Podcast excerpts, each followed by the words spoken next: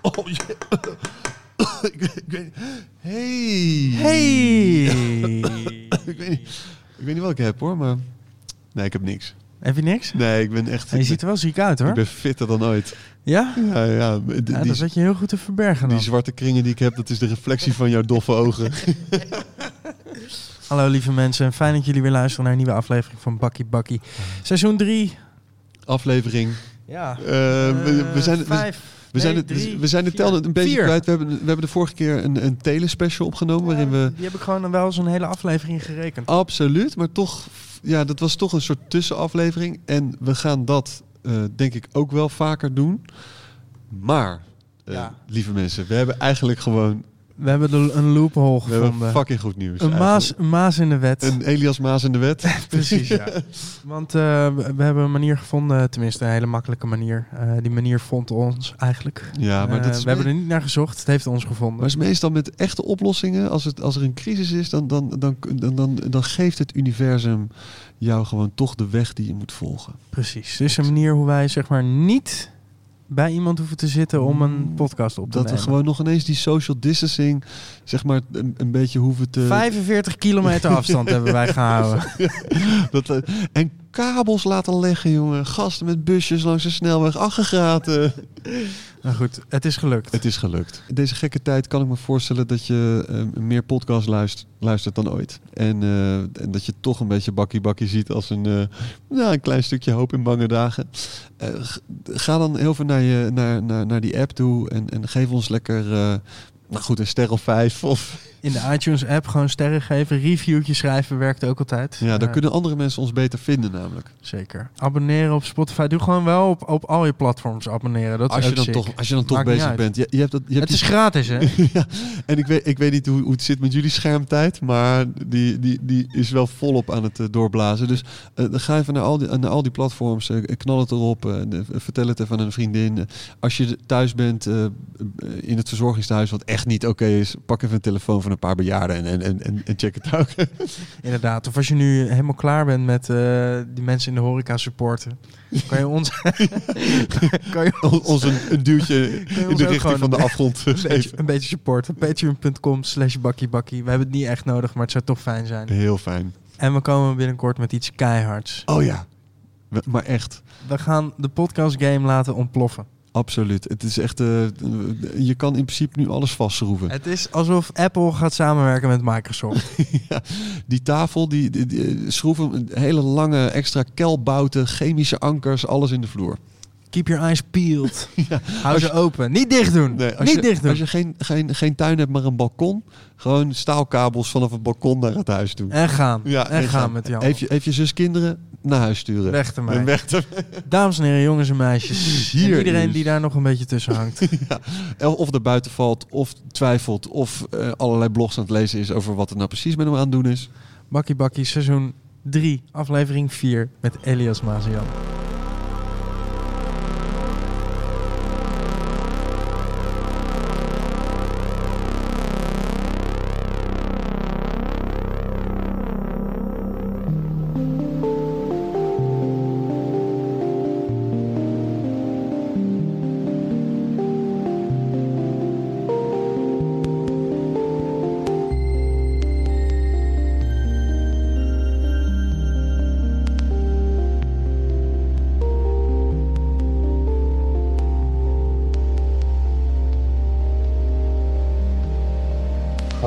Hallo, hallo.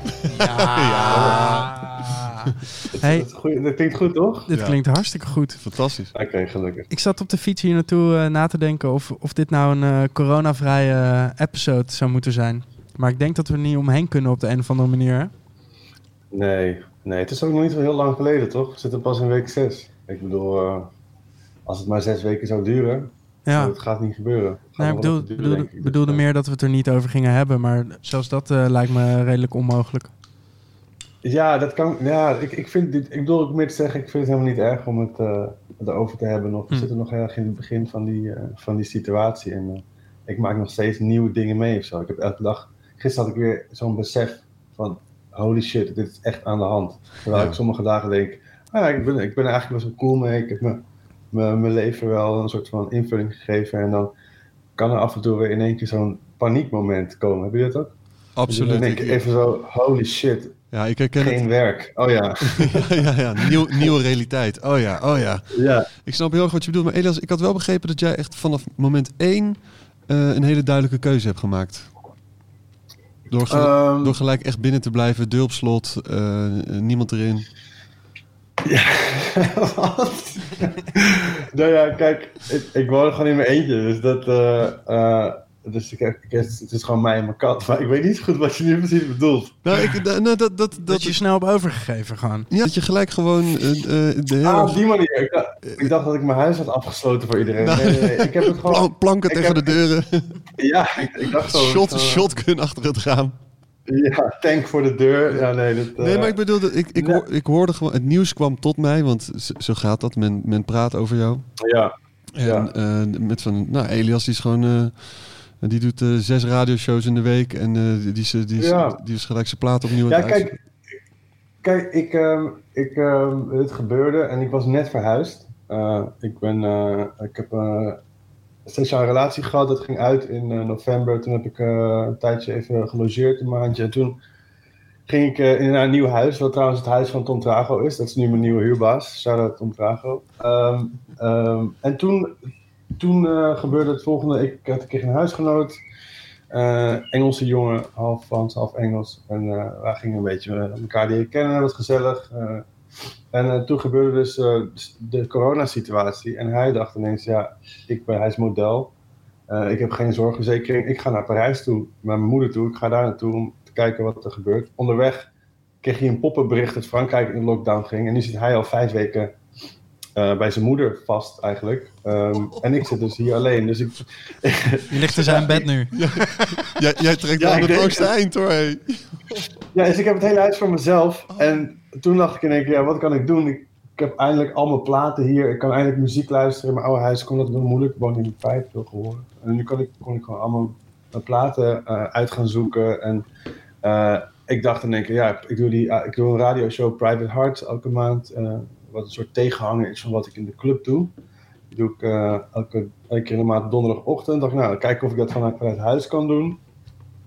En toen ging dat van één uur naar drie uur per week. En toen besefte ik dat het gewoon best veel tijd kost. Dus ik ging echt gelijk aan de slag inderdaad. En, en dat zorgde wel eens voor een soort berusting of zo. Want die muziek was echt, echt, vooral de eerste twee weken, echt een totale vorm van therapie. Hmm. Want ja, ik raakte wel even in paniek toen ik besefte van... Oh, ga ik hier nu in mijn eentje in het huis zitten tot 1 juni? Dat was toen eh, het geval. Met mijn kat. Ehm, en ja... En omdat het allemaal net nieuw is, weet je ook nog niet zo goed wat precies het speel, de speelveld is. Van hoe vaak je vrienden kan zien of je kunt wandelen. Ik weet niet hoe het bij jullie zat, maar die eerste dagen... Ja, had ik geen idee van hoe ik dit eigenlijk allemaal ging invullen. En op een gegeven moment zorgde die muziek gewoon, ja, wat je net al zei, voor een soort berusting. Ik, eh, ik merk gewoon dat hoe erg het ook is, dat ik daar gewoon hele positieve energie uithaal. Ehm, en dat eh, ja, houdt me wel op de been of zo. En pak je dan ook andere muziek dan normaal gesproken? Ga je, ging je op een melancholische tour eh, misschien met, met meer Nou, vocals? die, die show Private Hearts is, is gewoon. eh, ik hou gewoon heel erg van popmuziek. en van, laten we zeggen, ja, jazz en ambient. En gewoon mooie liedjes. Dat is waar ik, waarom ik die show ben begonnen. Omdat ik had toen. Wel, ik heb toen een tijdje. Hoorden jullie dit? Zeker, ja. een vogeltje of niet? Nee, dit was een piep van mijn WhatsApp, maar die eh, hoor je, ga ik even uitzetten. Mooi, Ehm, mooi hè, dat Justin ik, ik hoor wel vogeltjes bij jou. Ja. Ja, Ja, hoort gewoon vogels in WhatsApp. Ja, dat. Ja, het zijn zeker vogels uit, eh, uit de tuin. Die, die tuin is het ook. Ik heb van een tuin. dat is wel lekker hoor, dat je die tuin hebt daar zo. eh, is echt een man, lekker plekje. zeker. Ehm, maar die show begon ik omdat ik een soort tegenhanger wilde. Ik, ik deed een tijdje een voorjaarsdirect eh radioshow. En draaide ik gewoon elektronische muziek op Red Light Radio. Ehm, maar dat voelde een beetje dubbelop of zo op een gegeven moment. Dat ik gewoon in het weekend dat draaide. En ik heb best wel, ik koop gewoon heel veel eh, platen die niet per se dans of elektronische dansmuziek zijn. Mhm. Dus toen begon ik die show en dat, oh, ik word nu ook nog eens gebeld door Tom Trago. Oh, dat je huur te laat is. Ja, ja waarschijnlijk. Ehm, maar goed, ik, ik draaide dus gewoon, eh, begon dus gewoon met die Private Heart Show. Wat echt een manier was om een soort van balans te vinden in mijn, eh, in mijn geest, ook muzikale geest. En dat komt nu gewoon heel erg goed uit, merk ik. Mensen reageren er gewoon heel goed op, het voor hen ook een soort wekelijkse therapie is. Ja, ik vind het heerlijk. Ik ben uh, de absoluut fanboy van, uh, van Private Hearts. En uh, ik, ik, stuur, ik, stuur, je ook regelmatig screenshots van, van plekken ja. ja. dat ik het weer aan het luisteren ben. Maar um, ik vind ook eigenlijk radio, maar dat is puur voor mezelf. Ik vind radio ja. ook veel meer een plek voor, voor, voor die sound, om eerlijk te zijn. Zeker, ja. Ik, ik, um, mensen hebben gewoon, zitten nu veel thuis en zijn ook ontvankelijk voor luistermuziek in principe. Want iedereen probeert gewoon rustig te blijven uh, onder deze situatie. En uh, ja, het, het lijkt wel alsof deze show nog beter tot zijn recht komt in coronatijd dan daarvoor. Ik heb nog nooit, ik krijg nog nooit zoveel berichten gehad als ik nu heb gehad vanuit echt de hele wereld. Ja. Um, ik ben dus van één uur naar drie uur gegaan, omdat ik gewoon merk dat, ik, dat mensen hier echt aan hebben. Ik doe het op Twitch en daar heb je ook een chatroom. Uh, en dat is ook een soort van community aan het worden. Ja, ik zag het. Helemaal mensen... ontmoetingsplek en mensen zijn elkaar. Ja, ja, ik, ik, zie, ik, zie ik je weer uh, vrijdag in de chat. Of tenminste, ja, ja, zie ik je weer donderdag. Dat, ja. dat, sowieso is dat wel een, een interessant ding om naar te kijken. Van wat, wat, uh, we hebben natuurlijk Zoom, weet je wel, dat je samen aan het dansen bent. Ik, dat, daar geloof ik nog niet helemaal in. Toch een beetje awkward, toch? Zit je met die fles wijn in je eentje. Mega awkward. Ja, ja. Twee dansjes en daarna denk je, ja, ik ga maar even zitten. Uh, maar hier heb je gewoon een, um, een soort van gespreksgroep of zo. En je praat, je praat over de muziek die gedraaid wordt, maar ook meer van hoe het met je gaat. Uh, nog een ding wat belangrijk is, en ik, blijf ik, kan, kan eeuwig blijven doorpraten hierover, maar Doe het. is dat in de ochtend, in, ik geloof ook heel erg in de ochtend als een hele belangrijke plek om uh, muziek te luisteren, omdat je oren nog heel gevoelig zijn.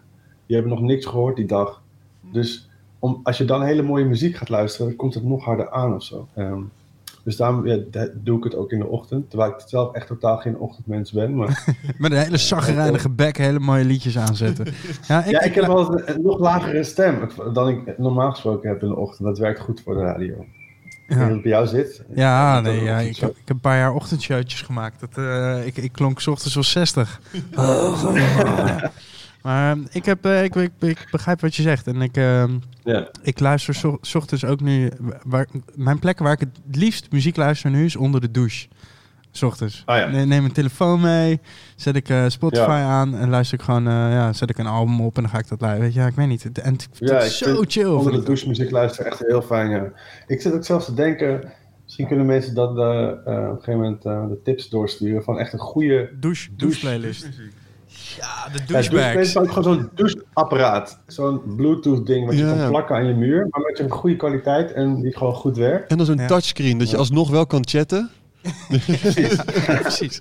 Alles verplaatsen naar de douche. Ja. Nooit weer de douche uit. Je kan ook gewoon zoomen met je werk, weet je wel. Je kan gewoon alles doen.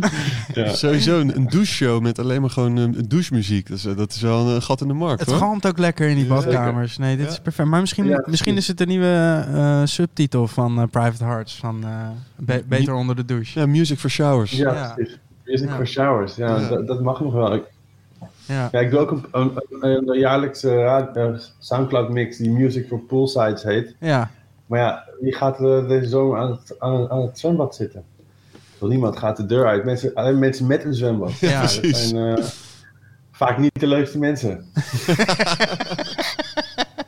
ja, ja, ik zou nu graag niet een leuk mens willen zijn. Toch, toch, een, ja. toch een zwembad hebben, denk ik. Ja, dat is zo classic. Toch al die celebrities die dan een video opnemen met... Uh, Come on man, stick together. En dan vanuit hun tuin met zwembad en, uh, en, en ja, ober. Ja. ja. Oh ja, je had ook die, die, die Imagine, Imagine uh, groeps cover van, van John Lennon. Ja. Als je het nog niet hebt gehoord, blijf het zo gewoon. Ja, ja. ja. Nou goed, nou fijn dat je je redt in ieder geval uh, in, in tijden van crisis. Ja, en, ja, ja. en dat je mensen, mensen wel, vermaakt. Ja. Uh, mm -hmm. Maar, maar hoe, hoe, hoe lang kan jij dit nog, uh, kan je dit nog leiden op zo'n manier? Niet werken ja, en... Uh... Ik, ik, um, ik heb gelukkig, omdat ik afgelopen jaar wel een keer gewoon goed mijn, jaar mijn belastingen gefixt had. wel wat spaargeld. Um, en die Tozo helpt op zich ook wel. Um, maar ja, het moet niet eeuwig gaan duren of zo. Ik merk wel, ik sprak laatst iemand, andere DJ, en die zei van, uh, die had het ook gewoon over bijbaantjes of zo. Dat het gewoon niet, helemaal niet meer uitmaakt als je als DJ op een gegeven moment een bijbaantje had, dan hadden mensen zoiets van, oh, het gaat niet goed met, eh, Ja. met de gigs. Maar nu zit iedereen in hetzelfde schuitje. Zorgt wel voor een soort van solidariteit van, ja, whatever man. Ja, en, en eh, als we dan nu een bijbaan, eh, als we een bijbaan zouden moeten zoeken voor jou nu, eh, wat, eh, Ik- welke ik branche zou je willen? Als tiener heb ik acht jaar in een verzorgingshuis gewerkt, vanaf mijn twaalfde tot mijn twintigste. Dat vond Hm. ik echt heel erg leuk. Het is wel natuurlijk risico, eh, risicogroep, maar ja, Ja, ik, dat vond ik echt heel leuk. Dus dat, dat sociale omgaan met ouderen. En eh, dan deed ik dan in de zomers kamers schoonmaken. Of, eh, en dan in het winter ging werkte ik in het restaurant. En, ja. af en toe kletsen, wandelen met de mensen. Maar ja, ik vraag me ook af wat normaal gesproken de bijbaan is waar je voor gaat als je even geld nodig hebt, is de horeca, maar die is ook dicht. Eh, eh, ik weet niet hoeveel eh, posten bezorgd moeten worden. Mensen bestellen wel veel. Zo. wel, ja. ik zie ja, ik zie jou ook wel als een postbode. Ja, toch? Lekker een beetje langs die gleuven lopen. Ja, praatjes maken. Ehm, ja, mensen bestellen echt veel. Hè? Ik zie alleen maar dozen op Ja, straat. ja, en alles duurt lang voordat het er is. Ja, precies. En ze krijgen Dus niet ja, meer dat- geld. Dat is wel sneu voor die, eh, die postguys. Dat is echt. Ik, vind, ik heb met ze te doen nu hoor. Het, eh, ik, ik zie, ik zie die gasten bij ons in de straat vaker dan mijn eigen moeder. Ook bij mij. Ja. Ik ben er schuldig aan. Hij, weet je, hij zegt mijn zoontje gedag. Weet je, die is blij als hij er is. Ja, precies. Ja, die denkt, die denkt sowieso dat hij alle dingen die wij voor hem bestellen, dat hij dat van de postbode krijgt, weet je. Dus eh, mag ik een nieuw, Ja. eh, mag ik een nieuw Batman pak? Nee, eh, niet. Nou, dan vraag ik het wel aan de postbode. Weet je zo. Maar er moet meer, er Ja. moet meer geld naar de postbodes. ik, ik, ik denk dat, dat, dat, het, ja, dat het gaat zijn. Kijk, we zitten nu. In mijn hoofd denk ik gewoon, ja, dit gaat sowieso nog wel tot eind dit jaar duren. Ehm, maar officieel, weet je wel, we leven van persconferentie naar persconferentie. Is 1 september nu de datum.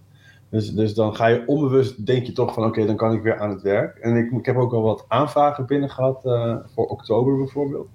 Hm. Ik weet het echt niet, man. Ik, Nee. eh, ik ga het deze zomer nog wel redden, denk ik. Maar ja, het is, eh, het is zo onzeker. En dat is al vaak genoeg gezegd. Maar En je huisbaas, voert hij een beetje druk uit op de huur?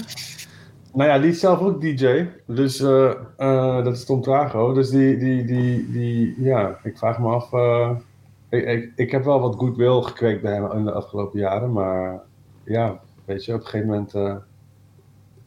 ik weet het niet. Ik, ik, ik, ik weet het echt niet. Ik, eh, ik, probeer gewoon, ook, dat is ook wel wat ik probeer te doen. Gewoon per dag te leven. En, en dan te kijken van hoe het per dag ook gaat. Weet je wel. Persoonlijk ook. Sommige dagen zie je het even niet meer zitten. Sommige dagen ben je in één keer manisch enthousiast over je nieuwe ideeën. Ja. Dat is gewoon wat het is. En oktober aanvragen, is dat in Nederland of in het buitenland? Dit was voor een buitenlandse gig, ja. Nou, dat vind ik wel, Ik eh, Nou, dat vind ik wel bold eh, eigenlijk. Ja, ja die kwam een paar tijdjes geleden binnen. En was, eh, ja, ik weet, ik weet het niet of dat, eh, of dat nog Ja, plaats gaat vinden. Hoopgevend bericht eh, vandaag op eh 3 voor 12. Ja, over China, dat er daar in ieder geval wel... En ik, ik hoorde vandaag zelfs dat op 24 maart al de eerste in, eh in Chengdu... eh, de eerste club voorzichtig ook Ja. open ging. Maar de Elevator en eh dat 4-4K en die clubs... Ja, ik las iets over dat mensen dan eh, eh, hun temperatuur moeten laten opnemen bij de, bij de Ja. ingang. Om te checken of... eh, Ja, en veel mensen houden hun mondkapjes open. En het is nu zo dat Maar doen als ze dan in je kont? Thermometer Bij, in bij, bij, bij jou wel, Jus. Even ruiken of je mond. Hebben ze een heel groot, heel groot gek ding hebben ze daar zo voor. Nee, maar eh, en als je nu naar China vliegt, ze hebben een, eh, de, de regel dat, dat je twee weken in quarantaine moet gaan op eigen kosten. Dat, dat, is wel Ja. een, dat is wel een gekke internationale regel, hè? Ja, hele gekke, Ja. ja. Ja, dat je gewoon, tuurlijk. Ja, goed. Ja, als je wil reizen, je wil hier naartoe komen, prima. Prima. Je gaat eerst even twee weken in een hotel zitten. Ja, Kan maar- alleen vijf sterren helaas. En eh, je moet Ja. zelf betalen. ja, Ja, maar, ik denk ook dat, dat, dat per land, dat is ook een ding. Het is per land regelt zijn zaken nu eh, zelf. Ja, dat is zeker. eh, Dat die la- landsgrenzen in één keer zo belangrijk zijn geworden. Het is, Ja. het is voor het eerst dat we iets hebben wat ons allemaal verenigt. En tegelijkertijd is de, de, Ja. eh, de identiteit van ieder land zo eh, duidelijk geworden. Ja, dus ook, ook dat, stel je voor dat het dan weer hier open kan gaan, dan wordt het sowieso in mijn, naar mijn idee heel erg een lokale, Ja. lokale scene weer. Ja, en dat- ik, ik, ja. Ja, dat heeft, heeft ook Wat- wel zijn mooie kanten. Dat las ik ook in het artikel over China. Dat, dat heel veel Chinezen zoiets hebben van ja, eh, het gaat over de herwaardering vanuit de clubs voor de DJ's, maar ook vanuit het publiek. publiek Mhm. was ook in China toch... eh IDM was er natuurlijk zo heel veel grote, eh, grote elektronische festivals. Maar zowel bij die grote festivals als kleine clubs waren ze toch best wel gewend... dat er internationale artiesten werden ingevlogen. En ze namen hun eigen artiesten niet zo heel erg serieus. En, eh, Nee. en die herwaardering En van... Ja, de herwaardering van lokaal talent is, is absoluut iets wat... eh, Ja, dan hebben wij in Nederland wel echt mazzel. Want we hebben echt superveel eh goede DJ's in Nederland. Ja, en we zijn gewend aan heel, heel veel festivals die ja, het echt toch wel heel moeilijk gaan krijgen. Ja ik, ehm, ja, ik ben ook benieuwd naar hoe deze thuissituatie zich ehm, ontwikkelt ten opzichte van streams, weet je wel. Ik, ik heb wel het idee voor mezelf, ik, dit, dit, ik neem dit gewoon heel serieus. Ik vind het gewoon ook heel leuk om te doen natuurlijk, maar het is voor mij echt een bezigheidstherapie dat ik die elke donderdag die show heb en de drie uur vul en dan de hele week bezig ben met muziek verzamelen, tracklists maken en, en al die dingen. Maar ik merkte bijvoorbeeld in het begin heel erg dat opeens iedereen zijn broer en zijn buurman Ja. ging doen. ja, YouTube heeft Dat zelfs de kwaliteit naar beneden gehaald omdat het gewoon te Iedereen, veel, te Ja. veel bandbreedte eh, gebruikt. Echt- Ja, en dat, maar ook hoe, dit, hoe over twee maanden die streams eruit zien. Want Ja, het gaat om volharding natuurlijk. Je moet het echt leuk vinden. En als, dat, als, als de situatie wat meer genormaliseerd is, dan denk ik wel echt dat er een soort van eh, filter gaat ontstaan. En dat eh, de echte echte wel overblijven. Snap wat ik bedoel? ja hoe- ze- hoe- zeker. Volgens mij is Hoe lang, hoe lang, ja, blijft dit eh, interessant voor iedereen? Ja. Je? Je hebt, Nou- bijvoorbeeld heel veel DJ's die e- even gaan draaien en dan na een tijdje denken: ja, oké, het is toch niet echt leuk om dit eh, wekelijks te moeten doen. Ehm, het is DJ zijn is iets wat heel erg een appeal heeft voor, voor heel veel mensen, maar on the long run, snap ik bedoel, is het niet voor iedereen weggelegd of zo. En dat, ik ben benieuwd hoe dat zich gaat ontwikkelen ten opzichte van online streaming. Of zo. ik dacht heel veel dat je ging zeggen, het is best wel appealing, maar in de long run best wel kut. Ja, nou ja, het is, het is niet. Ja, je, ik, ik heb de, jullie podcast veel geluisterd. Je hoort alle verhalen van, van de DJ's die lang bezig zijn. Het is niet allemaal roze geur en maneschijn. nee man, dus dit, maar, ja, wat dat betreft... eh, Zeker niet als dit soort dingen gebeuren. nee, en het is hard werken Ja. gewoon, het is geen grap. Nee, nee, zeker. Om, eh, Ehm. weet je, we, we, we zeiden aan het begin, moeten we het heel lang, eh, of wel of niet Ja, we over zijn corona toch gaan hebben. We hebben het er nu al 20 minuten over. La- Ja. laten we proberen om een zo normaal mogelijk eh, bakje op te nemen. Ja, Elias. We gaan even terug naar Amersfoort. Want, ja, eh, early days. daar stond je wieg, eh, geloof ik. Ja, ik ben geboren in Breda, maar op Oh. mijn derde naar Amersfoort verhuisd. Eh, dus ik ben wel echt opgegroeid daar. Ja. Ehm, en eh, ja, nee, daar ben ik opgegroeid. Hoe- Amersfoort. eh, hoe is dat om stad daar op te het groeien? Ja, ik, eh, het is een hele groene stad. Het is eh, volgens mij eh, geografisch ook letterlijk het centrum van Nederland, het middelpunt. Eh, ja, ik, je ben, je, het is een, een middeleeuwse stad. Mij is het nu 760 jaar oud, ouder dan Amsterdam. Mhm. Hele mooie ja, binnenstad en best wel veel cultuur. Eh, dus toen ik daar eh, op een gegeven moment me begon te interesseren in muziek. denk Ik, rond me, ik, ik vond muziek altijd al heel belangrijk en ik ben door mijn ouders echt heel erg opgevoed met ja, popmuziek, jaren 70 en 80 popmuziek. Wat, wat is, het, wat is een, als, je, als je aan die tijd denkt, wat is dan een track die er eh, veel... Ah, veel- als ik, als ik, eh, een van de eerste herinneringen is van, van eh, muzikale herinneringen die ik heb, was dat, was ik denk ik drie of zo, was Tracy Chapman, eh, Hm. Fast Car. You got a fast car. We go cruise and entertain ourselves. Still ain't got a job. Now work in the market as a checkout girl. I know things will get better. You'll find work and I'll get promoted. And we'll move out of the shelter. Buy a bigger house and live in the suburbs.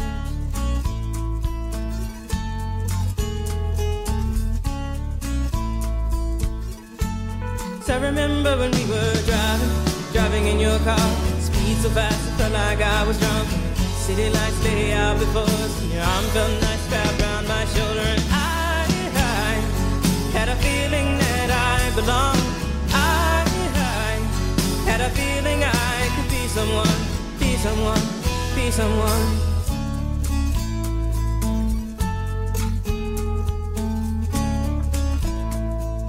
En ik heb gewoon jarenlang gedacht dat het een man was. Ik ook, ik ook, ik ook, Ja. ik ook, ik ook. Zeker. Ja, ja. Straatmuzikant, hè? Ehm, ja, precies. En Mijn, mijn moeder is, is tien jaar jonger dan mijn vader. Mijn vader is 61, mijn moeder is 51. En dus ik heb van mijn vader, echt die 70s.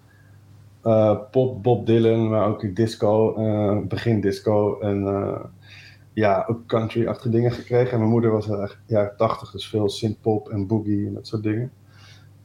Maar ik vond Amersfoort. Ja, Amersfoort is een stad die heel erg een hip-hop geschiedenis heeft. En nog steeds wel. Ik, je hebt daar Noah's Ark, komt daar vandaan. Chicky J. Ziggy J. En ja, dat is ook een beetje hoe ik ben begonnen. Eh hip-hop. En toen hip-hop samples eh, verzamelen. En toen begon ik platen te kopen. was denk ik 14 of zo. Toen kwam ik erachter dat al die eh hip-hop producers allemaal samples pakten. En toen dacht ik, oké, dat heb ik, nou, ik heb wel het weten. Ik had toen nog geen hoe sampled hoe, maar wel wat dingen op internet. En ik zag dat ze dat op, van vinyl afdeden. Dus ik ging kijken, is er een platenwinkel in Amersfoort? Ik vond het best wel een des- de- desillusie in eerste instantie. Wat, hoe, hoe, voelde Ja? het voor jou? Ja, ik, op de een of andere manier Ik dacht ik vond het fucking vet. Ja, Ja. Ik dacht zo van, huh? Hoe, hoe... Hoe hebben ze Nou, gewoon het idee... De eerste keer dat je een nummer, hip-hop nummer gewoon heel vaak hoort... en dan een keer het origineel hoort... en nog niet goed snapt dat je, dat, dat je die muziek in een sampler kan stoppen... en die kan opknippen en dan vertragen of omdraaien... en dan iets nieuws van kan maken. Hmm. Als je die technische kant nog helemaal niet weet... dan is het echt mind-blowing. Zo van, dit is gewoon een ander nummer eigenlijk. En dit hebben ze gewoon veranderd en overheen ge...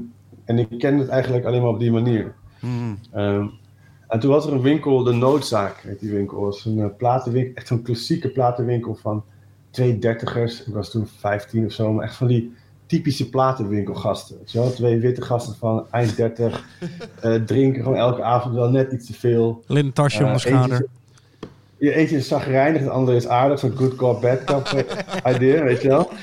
En, eh, en ik kwam daar en toen eh, hadden ze allemaal super... Sowieso een platenwinkel is echt mega eh, intimiderend, toch? De eerste keer dat je er komt. Want je komt binnen en die vloer was heel erg aan het kraken, weet ik nog. En eh, er stond gewoon best wel iets rustigs op. Dus elke stap die ik nam, eh, hoorde je wel bijna.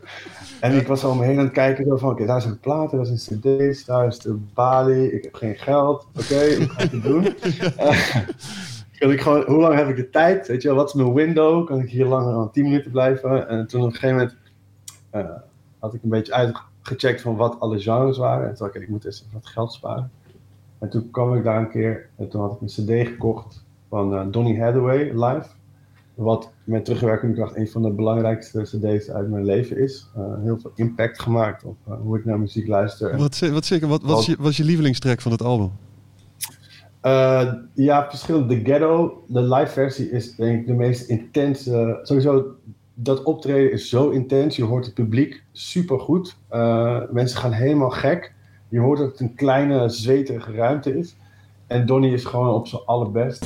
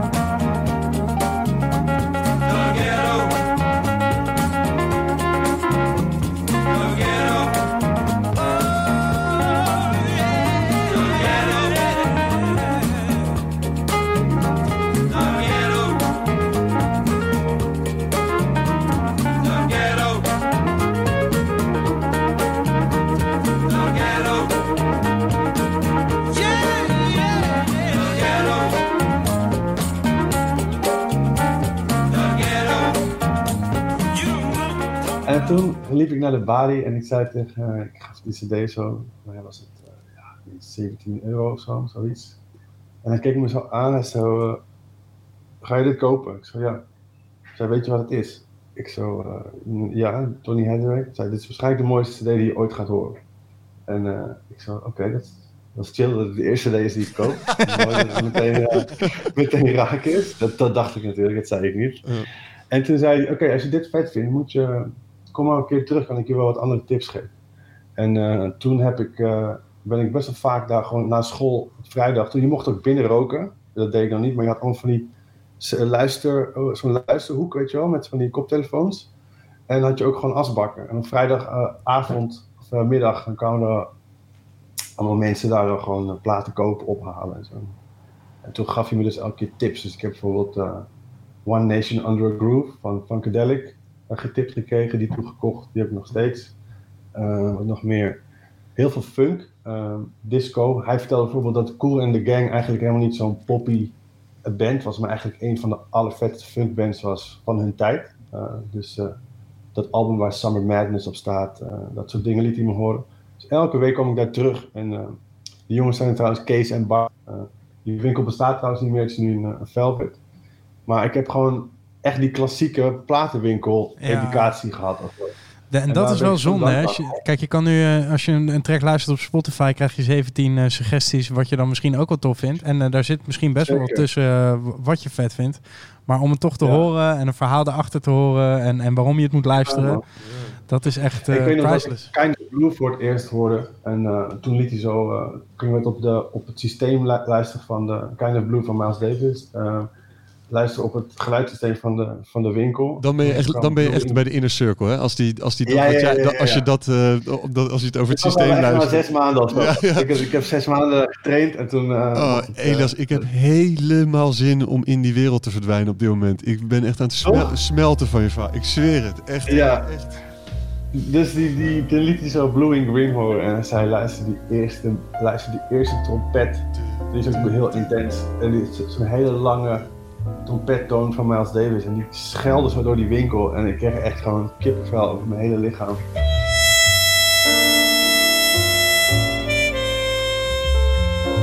Ik was toen ik 15, 16 en ik dacht alleen maar van, ja, wat je net ook al zei, ik wil het gewoon de hele tijd. Ik wil gewoon de hele tijd op een plek zijn waar ik gewoon nieuwe muziek kan horen. En eh, ja, daar kwam ik dus heel vaak eh, tot ik, eh, ja, dat is denk ik de middelbare schooltijd.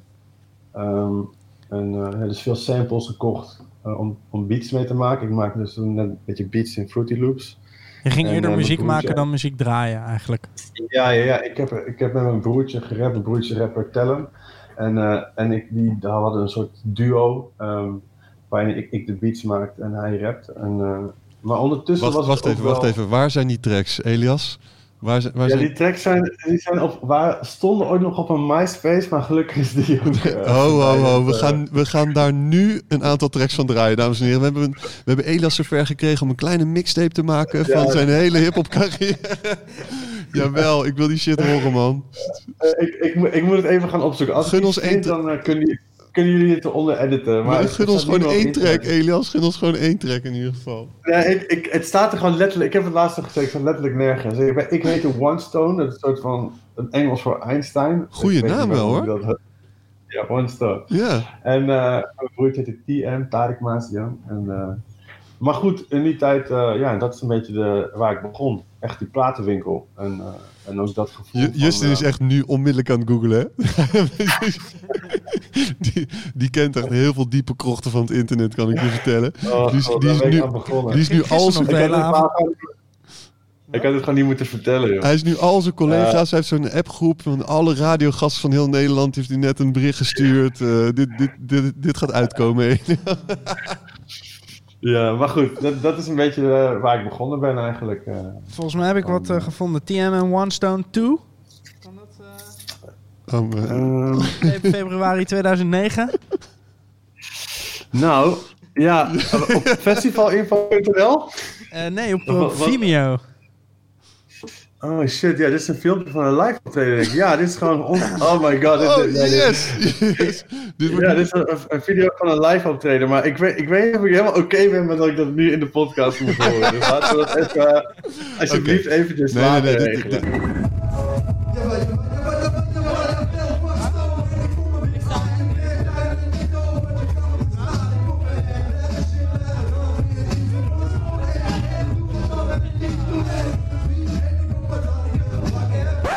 Hoe, hoe was je gezinssituatie trouwens? Je hebt dus nog een, een broertje. En- Ja, ik heb een, eh, ik heb een eh, broertje van eh 27, 28, en 27. En ehm, een zusje en nog een eh, van 23 en een kleine broertje, een nakomeling van, eh, van 13. de, de, Maar de gezinssituatie was gewoon, bij ons werd gewoon heel veel Sky Radio gedraaid. oh ja. En dat, nou, daar heb ik gewoon een, eh, onbewust gewoon een soort van. eh, ik heb sowieso heel erg een, eh, een soort bibliotheek manier van muziek eh, organiseren. Ik hou echt van chronologisch alles in de juiste volgorde luisteren. Van dat het uitkomt. En, eh, maar ook gewoon van, eh, ja, van popmuziek. Ik, ik hou echt niet van ironisch naar muziek luisteren of zo. Ik vind gewoon Hmm. als ik het vet vind, vind ik het gewoon tof. En dus Guilty Pleasures, dat werkt echt in mijn hoofd. Ehm, maar vanuit huis werd er gewoon, was het gewoon altijd Sky Radio. En ja, dat was in de jaren negentig dat ik opgroeide. Dus je had gewoon heel veel... Ja, wat is het dat ik toen... Luther Vandross, Anita Baker, eh, Michael Jackson natuurlijk. Dat was voor mij de allergrootste. Eh Held, Prince, maar ook... eh, ja, wat nog meer? Wat ik al zei, Cool and the Gang, James Brown. Maar ook Chris Rea en ehm, van die Blue Eyed Soul, 80s pop. Mijn moeder was een fan van, van de Culture Club. Oh, ja. Boy George, George Michael. Ja, jaren 80 muziek. Ik, ik, ik heb altijd ook al wel echt... Ik vond, ik vond het vooral toen ik jong was echt jammer dat ik niet in die tijd ben opgegroeid. Dat En, en zijn, je, zijn je ouders allebei Marokkaans? Ja, ja maar mijn moeder is hier opgegroeid. Eh, mijn vader is, op zijn, die is na, toen hij 18 was naar Brussel verhuisd.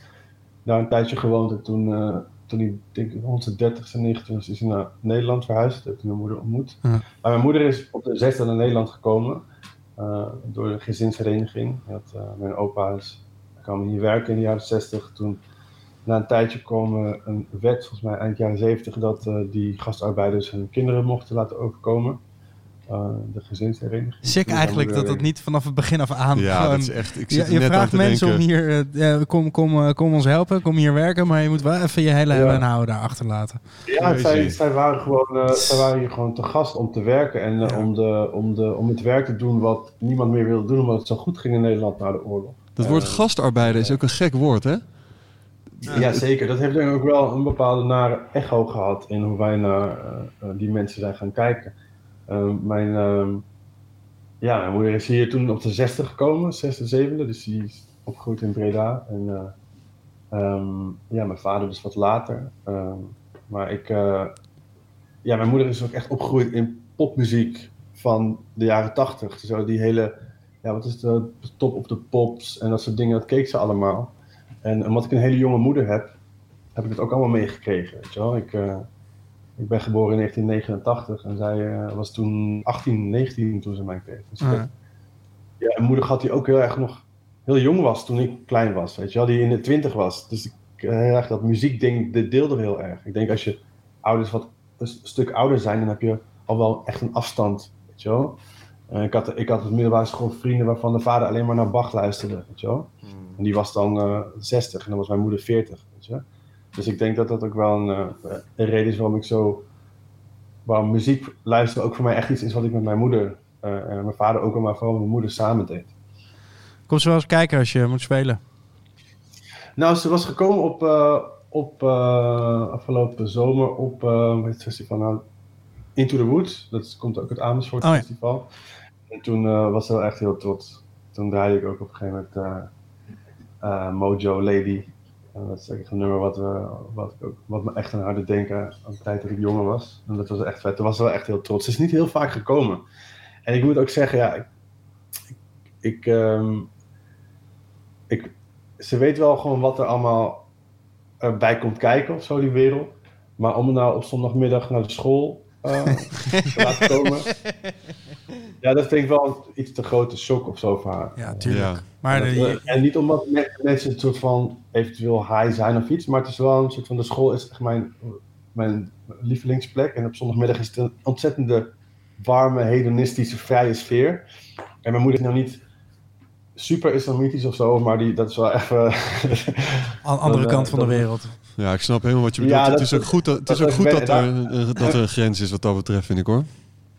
Ja, en, en, en zo'n mij. festival als Into the Woods was voor haar perfect. Eh, ze kon een beetje om zich heen kijken en, eh, en eh, ze Maar wel- kende de, de plek in Amersfoort en ja, ze was gewoon super trots. Maar wel op tijd weer naar huis gegaan, toch? Ja, precies. ik, ik neem altijd Stevens zijn moeder mee naar de school. ja. Op zondagmiddag. Dat er zo'n lekkere hedonistische sfeer hangt. Maar ze ziet er dan wel heel anders uit dan normaal hoor. ja, precies. Goed, maar Ja, dus dat, dat, even naar, naar DJ'en. Eh, want Ja. daar, gaan, daar gaan twee eh, verhalen over. Eén verhaal is dat, je, dat je bent begonnen met DJ'en in een kroeg in Amersfoort. En het andere verhaal is dat je Mhm. ehm, begonnen bent met DJ'en in een buurthuis.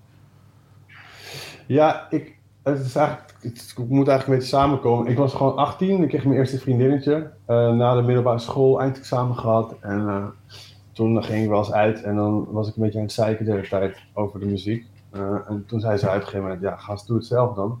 En toen dacht ik, oké, is goed. Toen ben ik gaan kijken van hoe werkt het precies. Eh ben ik op YouTube tutorials gaan kijken.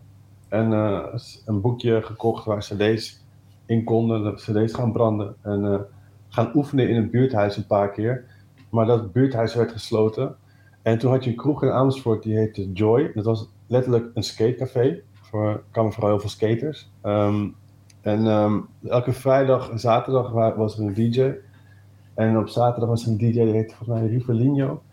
En eh, die vond ik wel echt vet. Die draaide dan gewoon, ehm, laten we zeggen, MOP, Anti-Up. Maar ook gewoon Rage Against the Machine. Precies wat skaters vet vinden, weet je wel. Een Ja. soort mix tussen eh, metal of eh, punkachtige dingen en metal. En dan hip-hop dingen. En toen had je ook een beetje die opkomst van die electro. eh Kroekers, Boys Noise, eh, Justice. En eh, dat, dat was eigenlijk precies ook wat ik, me, wat, me, wat ik ook heel vet vond. Toen eh, op een gegeven moment eh, had ik mijn eerste gig op een vrijdag. Er waren denk ik acht mensen of zo. En ik had helemaal alles zo voorbereid. Ik draaide op een Pioneer CDJ 200. Dat is echt, ja, dat is gewoon... Je moest je opwinden nog, toch? er zitten batterijen in. Ja, het is echt heel heftig. De, ehm, daar gewoon geprobeerd op te mixen. Maar wat er is gebeurd, ik ben daar toen gewoon op een gegeven moment de vaste huis-DJ geworden. En ik heb eigenlijk gewoon leren draaien in dat café. Eh, elke week voor 50 euro, hele avond draaien, alles door elkaar. En dat is eh, ja, wel echt leerzaam geweest. Eh, omdat je dan. Zelfs als ik nu, wat ik doe, als ik bijvoorbeeld een, een, een house-achtige set draai in de school of een festival, dan heb ik altijd nog die uitstapjes die ik toen heb geleerd of zo, om de mensen. Aan het dansen te houden. Ik, ik ben nooit, nooit heel credible begonnen of zo. Ik ben gewoon begonnen in een kroeg, waar ik wel wat credibler kon draaien dan in andere, in een bubbels of zo, maar ik moest wel de mensen aan het dansen houden en iedereen tevreden houden of zo. En ik merk dat dat altijd wel gebleven is. Ja, je had ook een soort bubbels in Amersfoort. Bubbels je in Amsterdam. Is gewoon zo'n tent waar, ja, gewoon... eh, Waar je met je vrijgezellenfeest heen gaat. Ja, waar mensen echt Ja, lekker gaan. Hey, en als je dan Ja, nu eh, een, een track moet noemen die je gelijk eh, terugbrengt naar The Joy. Nou, in die tijd, ja, dat is nog steeds best wel een grote, een, grote een, een track die ik nog steeds wel zou draaien. En dat is de Boys Noise remix van, eh van Feist, My Moon, My Man. Dat wel echt een, was toen echt een, eh, een life-changing track.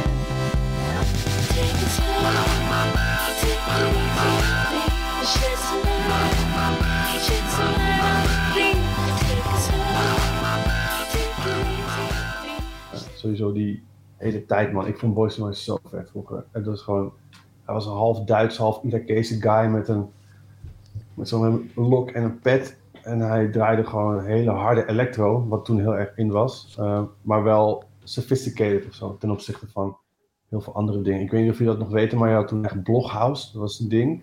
De blogs waren echt een plek waar je muziek vandaan haalde. Dus je had echt uh, artiesten zoals Santi Gold of MIA, die waren heel groot. Dan had je op de blogs allerlei remixes en zo.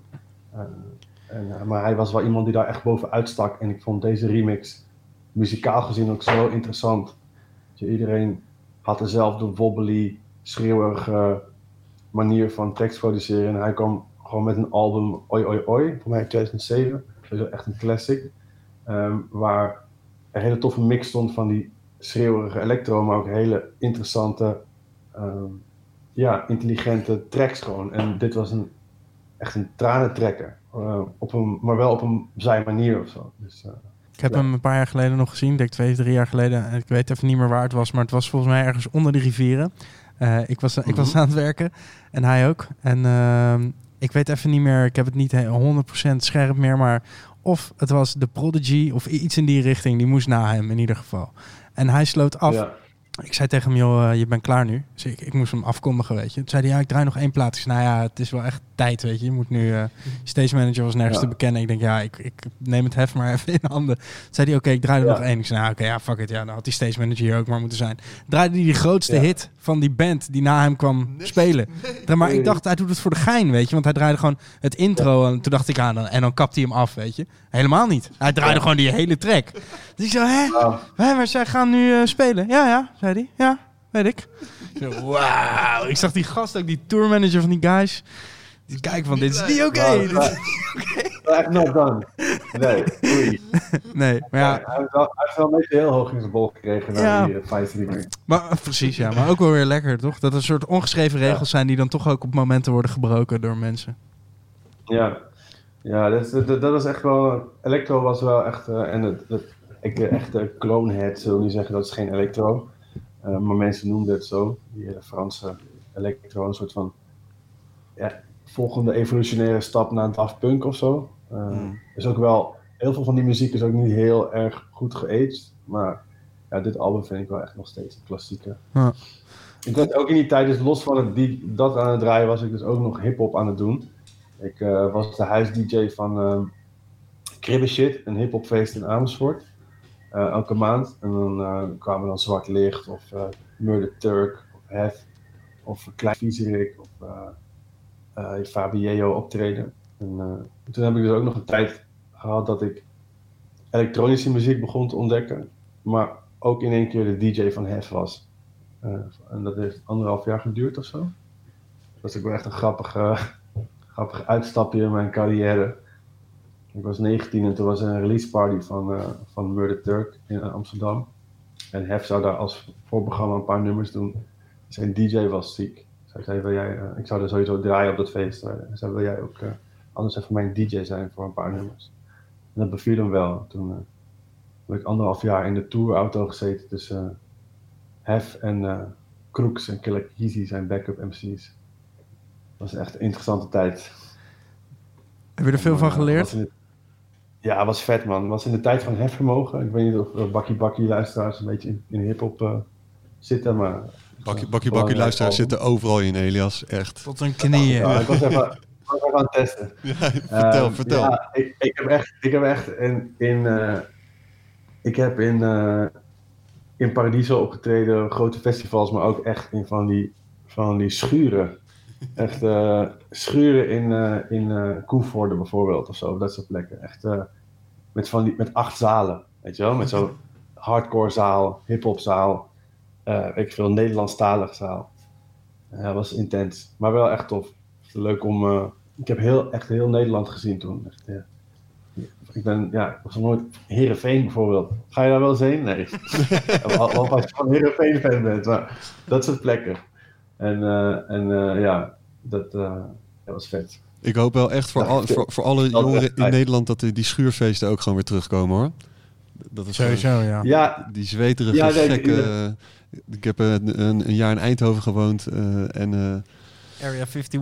Ja, Area 51. Weet je, natuurlijk, op- maar ge- gewoon zo'n gekke... ge- Banken op kratten bier. Ja, gewoon een weiland met, met, eh, met, met zes schuren aan elkaar en, eh, en, en verdwijnen in het... eh, in, in, in het eh, Host van de nacht. ja. Ja, precies. En wat was dan, eh, wa- wa- waar kwam dat keerpunt dat je uiteindelijk vol voor elektronische muziek ging? eh, ik ging op een gegeven moment, op een gegeven moment was ik het gewoon zat, eh hip-hop. En vooral de, de, ik hou nog steeds super erg van hip-hop en ik ben het altijd blijven luisteren. Eh, dus, maar ik was gewoon de, de feesten een beetje zat. Het is best wel, je moet altijd gewoon hits draaien, men- nummers die mensen kennen. Je zal bijvoorbeeld nooit, ehm, je hebt die site Identification of Music of zo, dat Mhm. mensen zo filmpjes posten toch? Van, eh, ja. Dixon uit het nummer, weet iemand wat het is? Of weet ik veel. En dan willen mensen dat heel erg graag uitvinden. Maar dat is echt zo anders bij hip-hop, want daar willen mensen juist de laatste hits horen. En als iets niet bekend is, gaat niemand zeggen: Yo, dat is echt een sick fijn wat ik nog nooit gehoord Nee, maar het komt omdat je dit, Nee, want- het is tekstgebaseerd, toch? En met hip-hop willen, Ja. gaan mensen dingen aanvragen. En, en, en eh, bij elektronische Ja. muziek zijn juist mensen di- dingen zich aan het afvragen. Dat is een goeie. Gezegd, ja. Dat is een hele goeie. Ja. Ja, en hoe later het wordt, hoe meer mensen zich gaan afvragen. Ja, nee, ik, ik, ik, ik, ehm, ja dat eigenlijk vooral. En zo best wel masculien eh, was het. En, eh, Hoge petmannen noemden wij het vroeger altijd. Veel, veel mensen bij een hip-hop hip party is het toch aan het begin van de avond het staat iedereen aan de zijkant. Dat vond ik altijd Ja, opvallend. Bij, elektronisch gaat iedereen gaat gelijk naar de gebeuren? DJ-boot en bij, bij hip-hop parties eh, aan de zijkant wachten. Ja, precies. En dat was wel, dat was wel op een gegeven moment. Ja, en ik, ik ging, terwijl ik dat dus aan het doen was, dus aan het toeren met Hef, begon ik ook, eh, ging bijvoorbeeld voor het eerst eh, naar eh, het Doer Festival en naar Meld. En met, me, met mijn andere vrienden. En, en ik ging toen naar Amsterdam toe om te beginnen aan de studie aan de universiteit. En ik, als ik dan soms ging wandelen vanaf het station naar, naar de universiteit en dan liep ik door de Spuistraat langs de oude Rush Hour. Hoewel die nog steeds op de Spijsstraat zit, maar die kleine winkel die ze eerst hadden. En eh, op een gegeven moment ging ik daar maar gewoon een keer naar binnen. Want ik ging ondertussen ook naar Trouw, naar Viral Radio, de avond van, eh, van Cinnamon. En eh, die werkte ook in Rush Hour. Zat altijd heel chagrijnig achter die balie. Ik ken echt niemand die zo chagrijnig achter een balie kan zitten als Yuri Cinnamon. Hij, hij hielp me wel altijd heel vet. En ik vergeet nooit meer hoe hij, als hij dan eh, een plaat voor je ging zoeken, hoe hij dan die platen zo uit die bak trok om de juiste te vinden. Echt super, super snel. Echt eh, heel erg, eh, ja, echt een heel veel techniek. Dus, het man blijven, hangen, blijven hangen hoe hij dat deed. Ja, maar bijvoorbeeld ook Roel de Boer, Antals, dat eh, werkte toen nog wel vaak in de winkel. En dus, dus toen had je die tijd van Fire Radio, waarin dat de dubstep heel erg werd gedraaid. En die Flying Lotus experimentele beat scene was heel groot. Maar ondertussen luisterde ik ook naar ehm, Tom Trago's radioshow. Dat is echt voor mij een hele belangrijke geweest. Ehm, die heette Future Vintage. Die deed hij ook op, eh, op Radio 5. Eh, lijn 5 heette dat, 747 AM. Dat deed hij samen met eh, Radna, Radna Rumping en Melody. Die eh, hip-hop maakte, rapper. Samen met INT uit Eindhoven. En ze hadden een radioshow waarin ze gewoon. Ja, het heette Future Vintage. En dat, dat, ze draaiden oude dingen, maar ook dingen uit de toekomst. Omdat je. Dus heel erg zo. Die. Laten we zeggen, je kon een Alice Coltrane spirituele jazz nummer horen. Maar ook Comtron of Dim Light of Flying Lotus of Sam I Am. Die hele. Ja, die beat scene. Of een, of een D'Angelo remix of dat soort dingen. Eh, maar ook eh, disco en, eh, en deep house. En ik kan me zo goed herinneren dat Tom, ik luister die show altijd als ik naar de. Ehm, ben ik het verhaal trouwens goed aan het vertellen? Want ik kan echt doorratelen, maar ik weet niet of mensen mij nog volgen. Hangen aan je lippen, Elias. Keep Ja. going. Ik werkte, ik werkte in een, eh, in een eh, bibliotheek als bijbaantje toen eh, nog. En een- op de kinderafdeling, elke woensdag drie uur boeken terugzetten kast. En dan had ik die radioshow gedownload op mijn mp3-speler, duurde dan twee uur. Dus moest ik eerst een uurtje wachten en kon ik het luisteren. Dat is gek hoe, hoe, hoe dat, ik kan me dat niet meer voorstellen. Ik nu een uur zou wachten op, om een podcast te luisteren. Dan ga ik wel iets anders luisteren. Maar toen was dat nog echt, eh, was het aanbod anders. En eh, ja, toen hoorde ik bijvoorbeeld in 2007, eh, of 2008, 2007 hoorde ik eh, Tom zeggen, disco, dat gaat het helemaal worden. Ik heb echt jaren nog geprobeerd die sample terug te vinden. Maar het archief is denk ik verwijderd van hoe hij dat zegt. Van disco, dat gaat echt worden. Wat uiteindelijk profetisch was natuurlijk. Ja. Als je kijkt naar Sadar Bahar, Antal, Houni, eh, jaren later. ja, en hoe Maar het zich weer veel- terug heeft ge- gevochten in de... Als je nu kijkt naar de top 40 lijsten, weet je, Dua Lipa maakte in principe gewoon een disco Ja. Absoluut, absoluut. Eh, Maar ook eh, voor het eerst Larry Heard gehoord. eh, heel erg die Detroit sound. eh, Theo Parrish, Moody Man voor het eerst gehoord. eh. dus ja, dat was ook echt een... Toen begon bij mij zo, oké, dat virus te, te werken of zo. Is echt mijn virus geweest, house muziek. Dat is nog nooit, nooit weggegaan. Ik weet nog dat ik op een gegeven moment een vriend op een feest stond. En, oh, het is echt een soort virus. Ik ben gewoon in de ban van de perfecte groove gewoon heel lang willen horen of zo. En, eh, en ja, dat ontstond toen een beetje. En toen was ik dus, ben ik gestopt met draaien bij, ehm bij Hef. Ben ik naar Amsterdam verhuisd. En eh, toen had ik in mijn hoofd gezet, oké, ik wil hier wat mee doen. Ehm, toen gestopt met mijn studie. Ehm, en toen moest ik op een gegeven moment eh, ja, maar een bijbaantje gaan zoeken. Toen ben ik bij de postcode loterij gaan werken. Eh, daar was ik Met zo'n eh, rode jas? langs de deuren Nee, met een nee, gouden nee. koffer. Goedemiddag! Hier is Elias Mazian en ik heb helemaal niks voor jou. Ja. Nee, ik, ik ging dan, eh, mensen moesten mij bellen eh, als ze vragen hadden over hun lot. En of ja. ze wel of niet wat gewonnen hadden. Mensen moesten jou bellen als ze vragen hadden over hun lot. Dit klinkt, dit, dit klinkt helemaal Ja, top. ik, ik Was je een waarzegger? Ik kon gewoon zien, nee, ik kon hun, hun gegevens zien. En ik kon zien of ze die maand wat hadden gewonnen. Ik had een keer een man, die had 330.000 euro gewonnen. En die eh, belde mij. Maar wij zijn, waren wettelijk, ik weet niet of ik dit mag vertellen, maar ik werk er nu al lang niet meer. Maar wettelijk verplicht om niks daarover te zeggen. Want als je iets verkeerd zegt, alles wordt opgenomen aan de telefoon, dan kunnen ze dat tegen je gebruiken. Eh, dus als je dan een belofte maakt die, niet, die je niet waar kunt maken, of als je zo'n fout maakt, dan ben je fucked als bedrijf. Dus dan moesten we zeggen, ja, konden we, moesten we er een beetje omheen werken. Hij zo, ja, heb ik dan, eh, ik wil gewoon even checken of ik wel wat gewonnen had. Ik zei, meneer, heeft wel echt wat gewonnen. Hij zei, is het veel? Ik zo, nou, u hoeft zich voorlopig even geen zorgen meer te maken. En toen hoorde ik zo, woe! ik gewoon zo geschreeuw op de achtergrond. En toen hoorde ik dat hij helemaal enthousiast was. Oké, nou, ik ben toch blij dat je, me dit hebt verteld. eh. ja, ik ben nu wel echt, ehm, ja, dit wilde ik gewoon even horen. En toen hing hij op. Eh, Toen belde hij eh, nog een keer. Ja. ja, ja, precies. Maar dat soort dingen maakte ik mee. En ik had toen tegen mezelf gezegd, oké, ik, was, ik was natuurlijk gestopt met studeren. Ik, ik dacht, oké, ga ik hier echt, ga ik in het diepe duiken? Ga ik dit echt doen? Eh, en toen dacht ik, nee, ik ga dit echt doen. Ik heb toen tegen mezelf gezegd, ik wil, binnen een jaar wil ik gewoon, eh, wil ik gewoon DJ'en. En wil ik kunnen stoppen met het bijbaantje. En letterlijk gewoon, ik begon in oktober met werken daar. In september ging ik, kreeg ik ehm, mijn eerste boekingsagency, Barkers, van eh, Judith en Kim Tuin.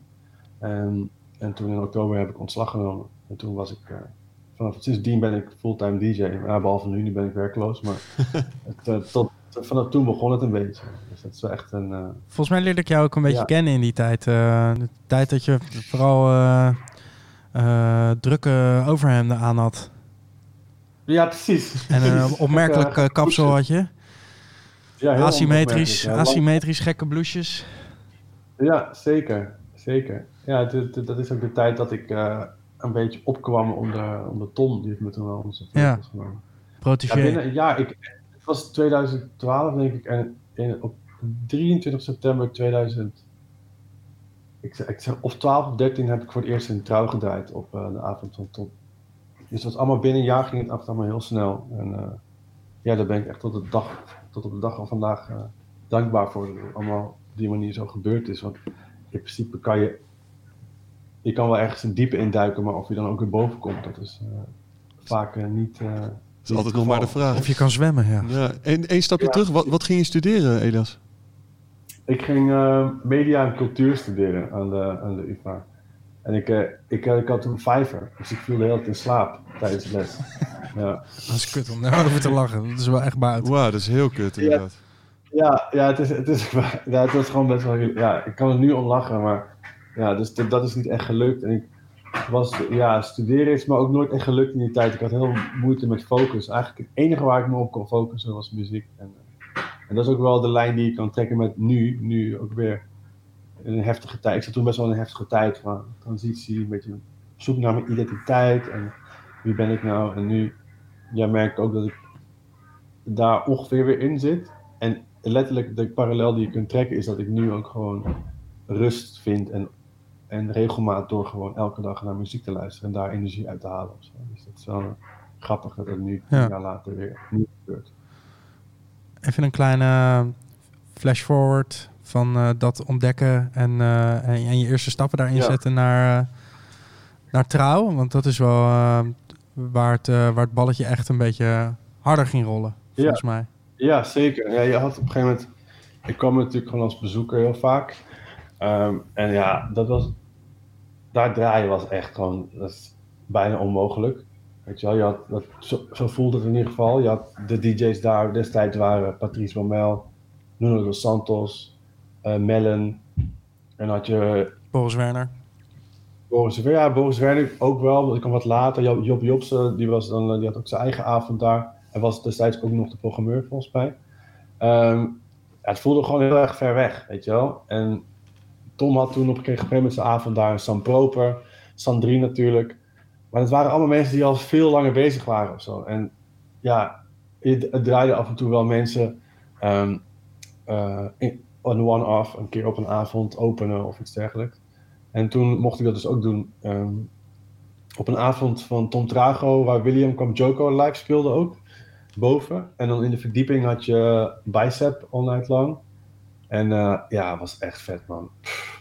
Gewoon eten met alle vrienden in het restaurant. En daarna openen. En die set had ik al, had ik al bedacht voordat ik überhaupt mocht draaien. Weet je wel. Als je op de fiets zit, dan ga je al, droom je altijd over op, bijvoorbeeld Panorama Bar of Trouw of weet ik van Robert Johnson. En dan heb je dat allemaal al bedacht. Je, je weet al precies wat je zou willen draaien daar. Het is een soort set die zich altijd maar een beetje doorontwikkelt, maar die wel altijd in je hoofd zit. En het ging supergoed. Alles ging eh, ja, in, die, in die boot draaien van Trouw. Als je dat, dat, dat, het is nu, hoe lang is het dicht? Vier, vijf jaar geleden. Maar ik weet nog gewoon precies waar alles stond.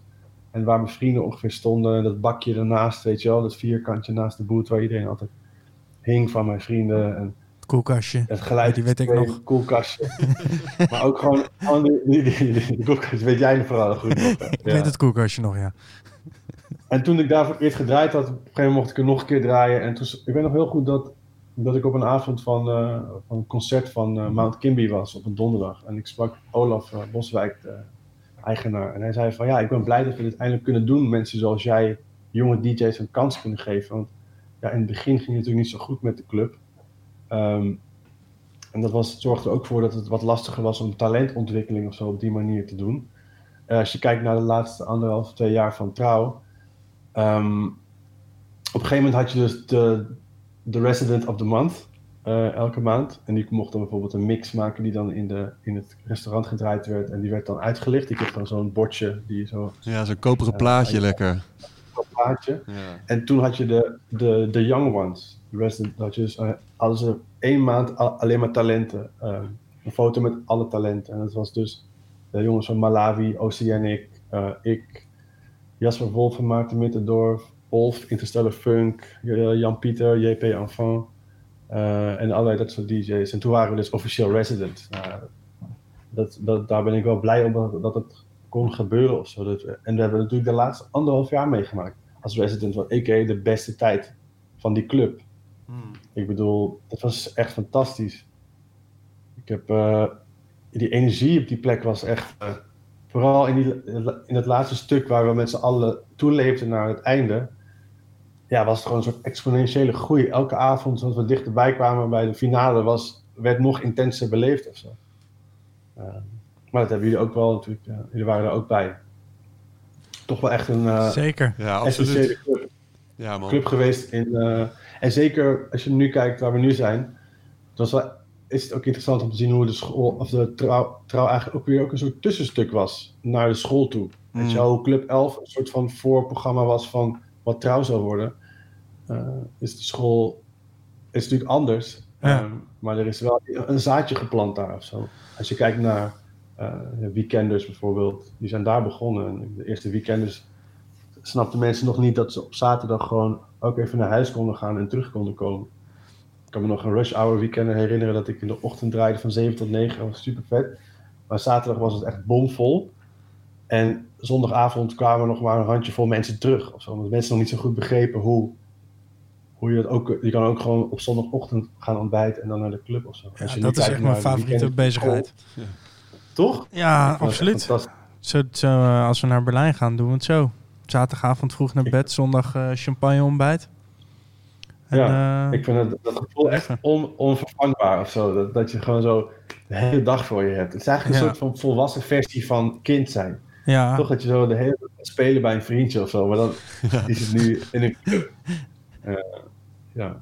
Ja, maar trouw. het is wel, eh, wel... Want volgens mij is dit het laatste jaar van de school. Toch? Of niet? Ja, officieel, eh, officieel wel. Officieel zou het, eh, ik denk, nog een jaar duren misschien. Met een, met, een, met een beetje verlenging. Maar ja, dan Ja, mis je nu wel echt een groot stuk. van, ja, ik, ik durf ook niet veel over na te denken, eerlijk gezegd. Ehm, ik merk gewoon dat ik dan echt depressief word. En ehm, Hmm.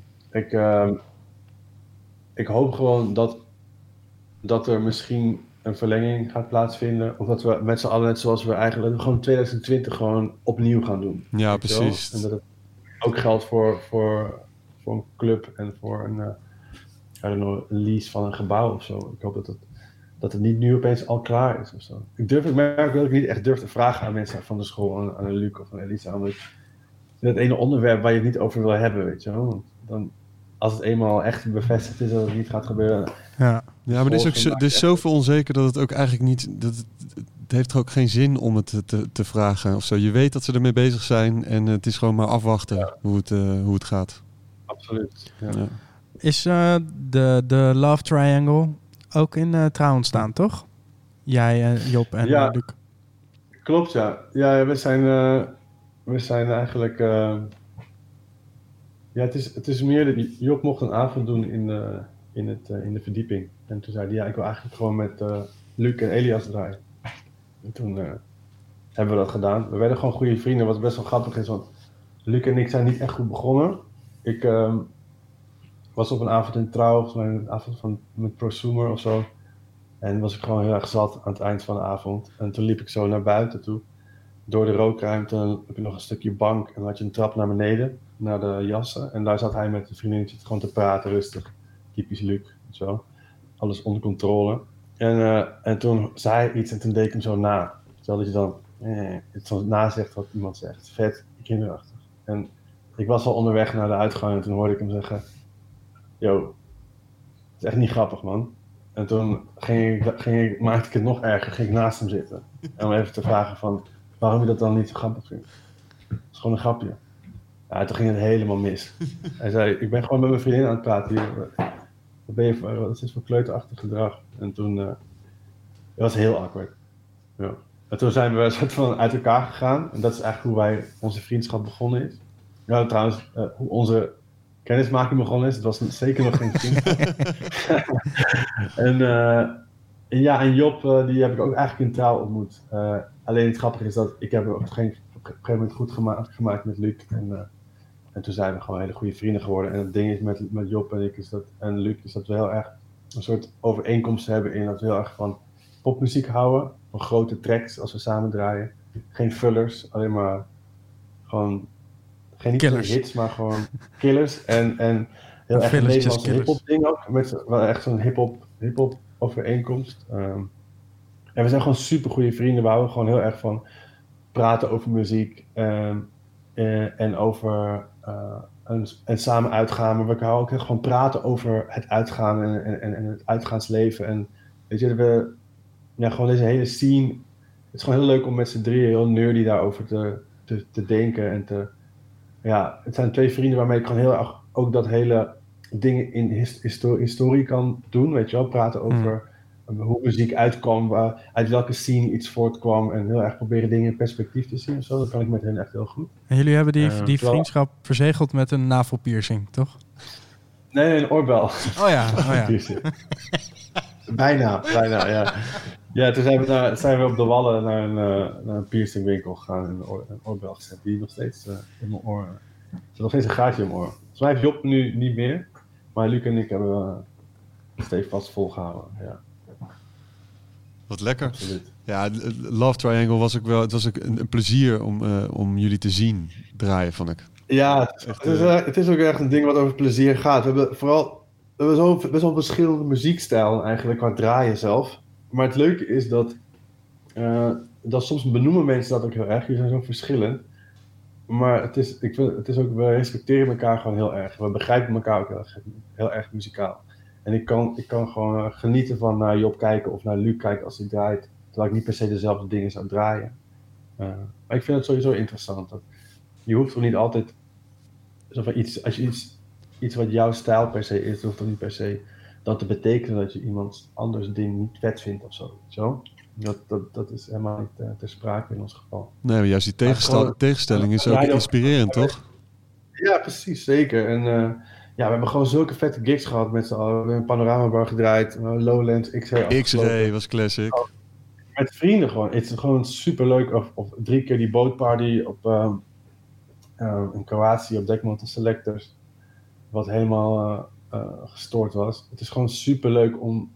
Het is leuk om te draaien als solo carrière. En dat, dat is ook fijn. Maar het is gewoon super fijn om af en toe gewoon met twee super goede vrienden dit samen te doen. Omdat sommige momenten zijn zo bijzonder als je draait. En ja, ik heb laatst, toen was ik in, eh, in Oekraïne, in Kiev, in een nieuwe club. En het was echt fucking vet. Ik, draaide de closing slot eh, van 12 tot, half, 12 tot half 3 en Job draaide voor mij. En het was echt heel bijzonder.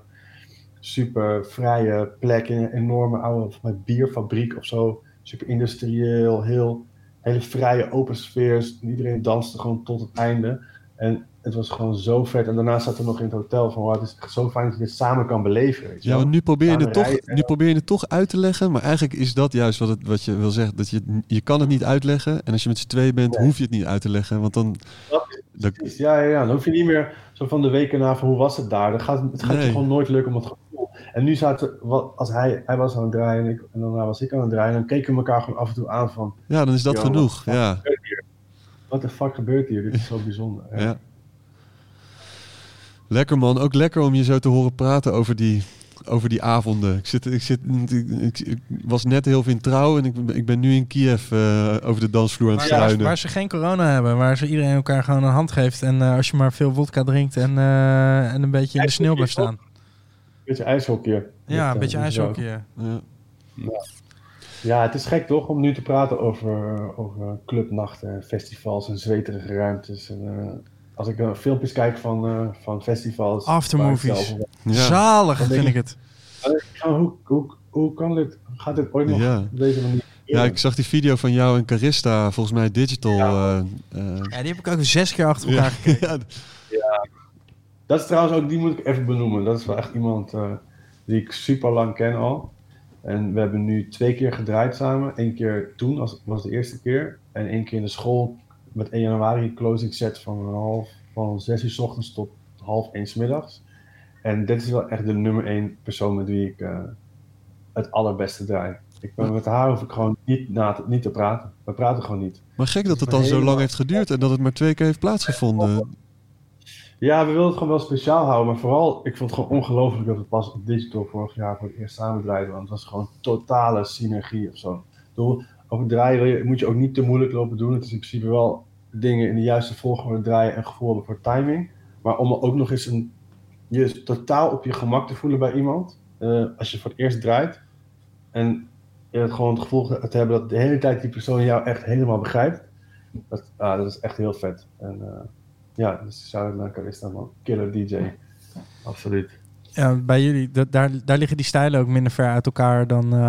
eh, Zeker, wij komen Ja. allebei uit de hip-hop. Zoals vroeger, eh, in de tijd dat ik dat eh hip-hop feest draaide, was, was zij de Fotograaf, Ja. Zwart Licht.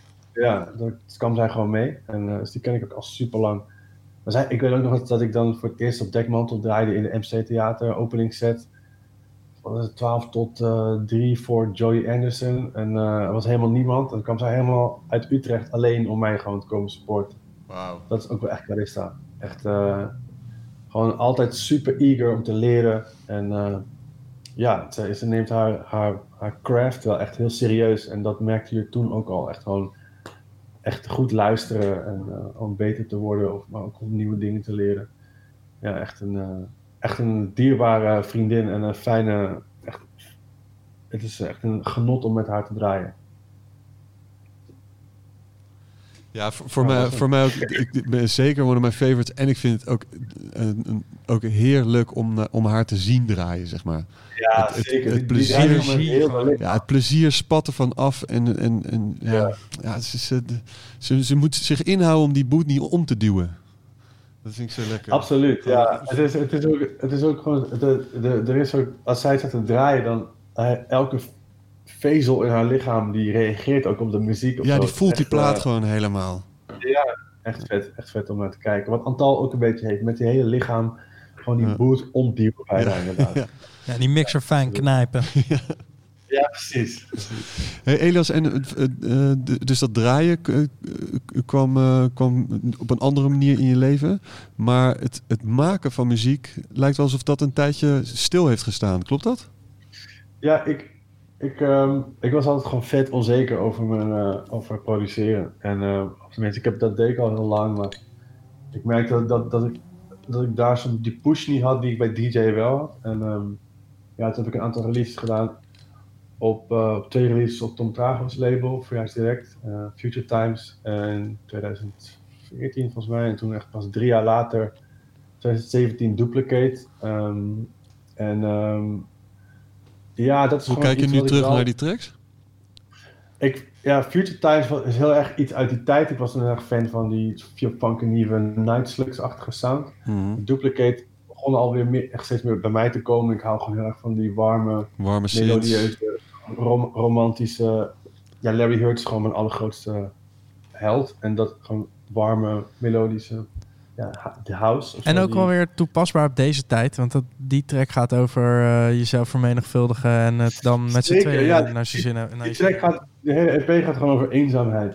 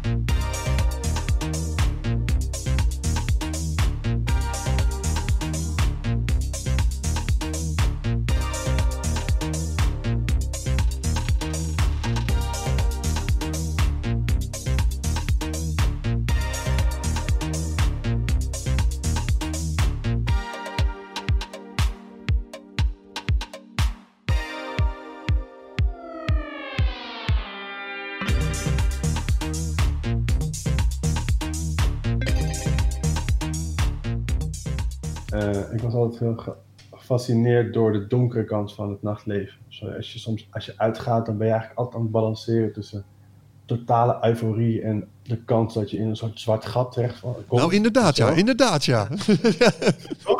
ja.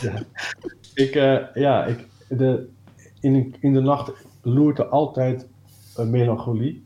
Die is er gewoon altijd aanwezig. En eh, ja, dat nummer ging, de, de hele EP ging over ja, jezelf vermenigvuldigen in een machine. Zodat je met z'n tweeën bent en niet meer alleen. Ehm, ja, dat is wel echt soort thema wat altijd bij mij is blijven hangen of zo. Ik hou echt van de nacht.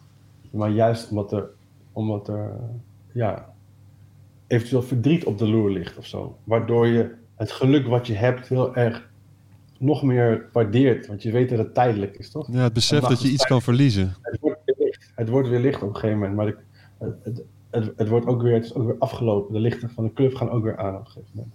Ja, ja, ik ben dit- heel erg in het momentum of zo. En daarom is een house track ook zo, zo eh, je of techno ook zo interessant, is die perfecte loop vinden.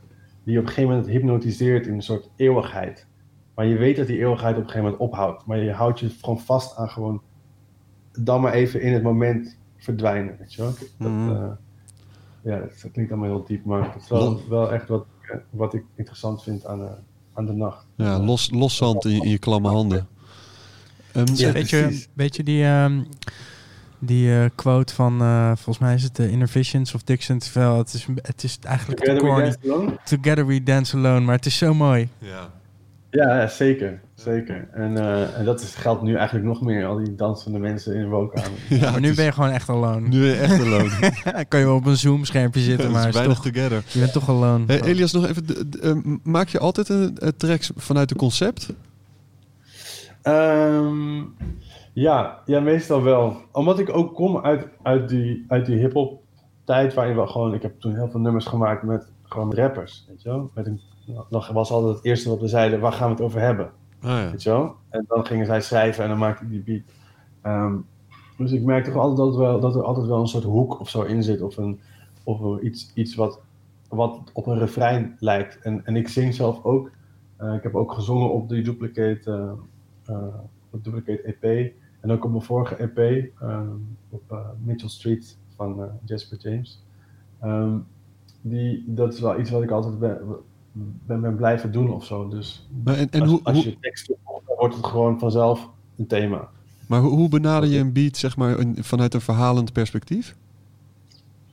Ehm, nou ja, gewoon de, de, wat er qua tekst in me opkomt. En meestal gaat het over liefde of over verlangen of over ja, alle dingen waar liedjes over gaan. Weet je? Dat, eh, zo gaat het een beetje. Ik vind het vooral leuk, dat vond ik gewoon tof aan Larry Hurt. En die was dan wel een van de eerste in die house muziek eh, romantisch maakte, maar Mm. niet cheesy of zo. Ehm, Missing You, Can You Feel It, ehm, Closer. Dat, die hebben allemaal elementen die, die, die, die house zijn in principe, of deep house of acid house, maar er zit altijd een, ja, een liedje in of zo. En ik vind het liedje gewoon heel interessant. Mm. Dat, wat ik al zei, ik hou echt van popmuziek. En, Ja, verhalen vertellen. Ik kan me nog een avond herinneren met eh, Larry Hurt in, eh, in Paradiso, Dekmantel eh, Early Days. Ja, ja. En dan ging hij gewoon, hij pakte die mic en dan ging hij gewoon live nog die vocal doen. Ja, man. Het is kippenvel als ik daar aan terugdenk, hoe die er stond. Echt gewoon, als je denkt aan een Amerikaan met je ogen dicht, weet je, een, een, een spijkerbroek Petje. zonder echt vorm, petje op. Hij had een overhand met allemaal zakken, maar had hij ook een pennetje in zitten en zo'n keycard om zijn nek. Ja. Hij ziet echt- uit als een leraar. ja, geschied- eh, geschiedenisleraar. Ja, ja, precies. Echt er was een avond met eh, Larry, Larry Hurt en, eh, en Robert Hood, weet ik nog. Dat Ja. een eh, vrijdag in Paradiso. Ja, echt heel vet. Ja. Maar dat is wel dat, is wel dat ik... eh, en ik ben nu ook... Ik heb een album gemaakt eh, met, met liedjes. Dus een primeur, dames en heren. het hoge woord is eruit. Jezus. En, en, en mag je heel veel zeggen dat ik eh, eh, echt fucking trots en blij ben eh, voor jou en, en, voor, en voor ons allemaal, Elias. Dat het, eh, Laten we Ah, eerst maar even vertellen wat het is. ja, wat- sorry, wat maar, sorry, maar ik wil het voordat je je trots uitspreekt. Ja, ja, sorry, sorry. Ja, ik, ik, eh, nee, ik ben, thanks. Ik, ik ben gewoon op een gegeven moment begonnen met liedjes maken. Ehm, eh, ik hou ook, eh, ja, ik hou van heel veel dingen. Ik zeg dat ik heel veel van dingen hou, maar ik hou ook gewoon erg van de jaren tachtig. uh, Henny Vriend, eh, Doe Maar, eh, eh, popliedjes. En ehm, toen ben ik op een gegeven moment maar gewoon begonnen met eh, dingen maken. En eh, toen heb ik dat aan een, eh, aan een goede vriend gestuurd, eh, die een label heeft. En die heeft toen, eh, die werd helemaal gek. Van wat is dit? En eh, maak meer alsjeblieft. En nu ja, is het af en eh, het komt eh, heel snel uit. Ik wou dat ik jullie iets meer info kon geven, maar het zijn in ieder geval... Het is een album met eh, zeven liedjes geschreven en geproduceerd door mij. Die gaan over iemand waar ik heel veel van gehouden heb. En waar, ik waarschijnlijk nog wel heel erg van blijf houden. Ehm, maar ja, dat, dat is heel spannend man. Nederlandstalig. Ik vind Nederlands gewoon een hele mooie taal. Is, is het eh, gemaakt toen je nog van diegene, wel van diegene Zeker. aan het houden was op die manier? Zeker, absoluut. Ja, ja, absoluut. En wat, En, voor, ehm, wat voor gevoelens krijg je dan nu als je, als je het zelf hoort? Nou, kijk, ik heb het natuurlijk, als je zoiets afmaakt, dan hoor je het gewoon super vaak. En eh, dan eh, krijg je het ook op, op, op zijn eigen manier een plekje of zo. Dan, natuurlijk word ik er nog steeds wel door geraakt als ik nadenk over die tekst of zo. Maar ja, het- als iets dan uitgaat, een relatie, en, eh, en je natuurlijk verdrietig bent, dan eh, kan je een soort van wegduwen. En zeggen, ik wil hier niks meer mee te maken hebben. Maar ik dacht van juist, dit is een hele mooie inkijk in, eh, in een tijd in mijn leven of zo. En dat is sowieso waarom ik nu. Er komt sowieso meer muziek uit van mij dit jaar. Eh, ik ben nu op het punt dat ik wat sneller dingen afmaak en, eh, en, en, en, en wat zekerder ben daarover. Je hebt meer tijd. Ik vind het Absoluut. ik, eh, als, je, als ik terugkijk naar deze tijd eh, over 20 jaar en dat album weer luister, dan hoop ik dat ik weer terug ga in, die, in, die, in, in dat moment van, eh, van die liefde ook. In die- dat, dat vind ik gewoon vet aan, aan, aan muziek maken. En dat, dat heb ik ook uiteindelijk eindelijk een keer beseft. Is dat het draaien van DJ-sets is tof en die herinneringen blijven misschien door een filmpje of door een gesprek wat je met iemand hebt. Van hey, weet je nog die, die in die set op dat moment. Maar muziek is toch wel iets wat gewoon achterblijft met een hoes, met een, visuele identiteit, met een, eh, wat je gewoon thuis kan aanzetten. En ja, dus- en, dat, ja, en het is universeel ook, weet je. Die liedjes die zijn niet meer van mij. Dat hoor ik altijd mensen zeggen trouwens in interviews, zou ik even zeggen, dat is heel cool. Maar dat is wel echt wat het is. Op een gegeven moment als het weg is, dan... Als ik nu, als je soms, als je een liedje maakt en je laat aan iemand horen, kan die persoon totaal anders opvatten dan jij het überhaupt bedoeld hebt. Maar dat is, daar is niks mis mee. Wel? Toch, ik bedoel, wij Ja. kunnen met z'n drieën een album luisteren en het totaal verschillend opvatten. Maar dat wil niet zeggen dat het, dat het een meer waar is dan, dan de ander. En, eh, dat vind ik wel vet aan, eh, aan, aan, aan muziek uitbrengen. Mensen hebben vaker eigenlijk eh, pijn nodig om iets moois te maken. Maar jij had, hebt, je hebt dus juist iets moois nodig gehad om iets moois te maken. Ja, ja, ja. Ja, ja ik, ik heb gewoon. ehm, Nou, kijk, ja, dat is gewoon. Er gebeuren er zijn genoeg dingen in een relatie waar je iets over kunt schrijven. Je kan praten over hoe erg je van iemand houdt, maar ook hoe je iemand te hulp zou willen schieten op moeilijke momenten. Weet je, je- er zijn zoveel eh, facetten aan een relatie die interessant zijn voor een liedje. En ehm, dat is ook waar dat album over gaat. Eh, niet alleen maar over hoeveel ik van haar hou, maar ook dat ik er voor haar wil zijn of zo, al- als het even moeilijk is. En eh, ja, dat, dat vind ik gewoon een eh, hele interessante inspiratie of zo. Bedoel, als je verliefd bent, voel je zoveel. eh, maar ook als je van iemand houdt, voel je zoveel. Ja, dat is gewoon de perfecte voedingsbodem voor, voor, voor kunst en eh, zeker voor liedjes. Ik ben heel benieuwd, man. Ja. En, Ja, en nog ja, even... ik, eh, ik, ik, hoop dat ik het snel kan, eh, kan laten horen en dat jullie toch op een bepaalde manier een soort van. eh, jullie hebben wel een primeur gehad, ik heb het nog helemaal nog nooit met iemand over gehad. Dus. Sick. Maar- maar is dit dan het moment dat ik, dat ik mag zeggen dat ik trots ben? Ja. Ja, Ja, dit- ja, ja. Nee, ik vind het vet man dat je het hebt doorgezet. En, en nog heel even naar het maakproces. Eh, d- is, ehm, in je eentje in de studio. Je hebt dus alles geschreven en geproduceerd in je eentje. Eh, speel, je, Ja. speel je een synth als eerste? Of, of een beat? Of hoe, hoe, hoe ja, gaat het? meestal, meestal, meestal, meestal dan pak ik gewoon akkoorden. En eh, ik, heb, ik speel een beetje toetsen en vooral ik ben me eh, ja, gaan focussen op gewoon akkoordenschema's, daar meer over willen weten. En, en dan ga ik meestal, zet ik gewoon een loop aan en dan ga ik gewoon schrijven. Ik ben ook later begonnen met gewoon gibberish opnemen. Dat werkt ook wel. Dat je gewoon voor je uit gaat zingen en niet echt iets zegt. Maar daardoor ontstaan er gewoon allerlei melodieën. Wel echt interessant. En dat luister je dan weer terug. Maar ik ging ook wel eens op de, als ik op de, als ik buiten liep, ook met mijn telefoon even iets opnemen. Een melodie of iets dergelijks om het te onthouden. Ehm, ja, en dan zin spelen. En dan gewoon, ja, eigenlijk gewoon het, eh, het zo opbouwen of zo. Dat vind ik super leuk.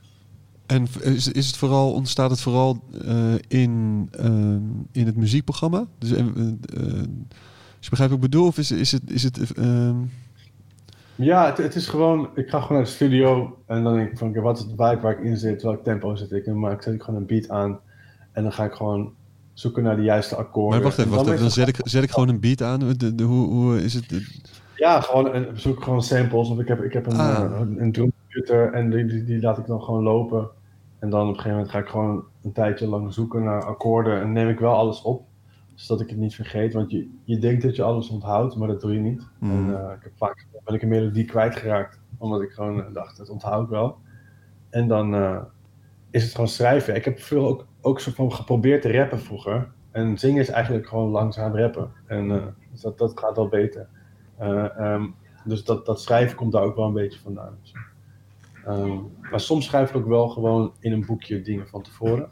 Maar ik merk toch dat ik het fijner vind om te werken in de muziek die ik dat- op dat moment hoor. Volgens mij zijn je kinderen thuis. Ja, dit zijn de buren, joh. Al die kinderen uit deze straat, die eh, zitten ook in Die zitten bij jou in de tuin. Kan je even tegen ze zeggen dat je een podcast aan het opnemen bent? Dus ja, dat is, dat is een beetje hoe het maakproces werkt. Het is heel organisch, het gaat gewoon echt vanzelf eigenlijk. En, eh, Vet man. En Ja. je, je had het al eerder over die visuele identiteit. In, in hoeverre is dat iets wat je zelf creëert of iemand anders daarvoor vraagt? Of hoe gaat dat in zijn werk? ja, een, een fotograaf eh, voor de hoes hebben we gevraagd. Die foto is echt fucking vet. Eh, Is dat die zwart-wit ja, foto die, we, die we eerder al hebben gezien? Of? Nee, nee, nee, het is een foto eh, gemaakt op het, eh, op het strand in eh, Zandvoort op een eh, zonnige januaridag eh, Mm. tijdens Magic Hour. En eh, ja, het is een heel dromerig album, dus we zochten naar een dromerige foto. En eh, ik ben heel blij dat het eh, gelukt is. En ehm, ja, het lijkt me gewoon, ik heb de testpressing al binnen en die, die klinkt goed, maar het lijkt me gewoon zo Zet even aan. Zet even aan dat ding. eh, om de, om de, dat, eh, ja, gewoon een, een plaat, een album gemaakt hebben met liedjes. of zo. Ja, vet man. Niemand gaat, niemand gaat dit van mij verwachten, dat is ook wel leuk. En niemand gaat het van je afnemen. Zeker niet, nee, absoluut. Ja, dat is wel te Eh, hopen. Oh, ik dacht eh, af, als in kopen. Is, is dan als je je ogen dicht doet en eh, je zo'n heel lekker zacht foamkussen die met je hoofd meevormt en je gaat erin liggen en je droomt over een toekomst, is het dan Elias Mazian live of Elias Mazian de DJ die ook live of die, die ook eh, eh, nummers opneemt?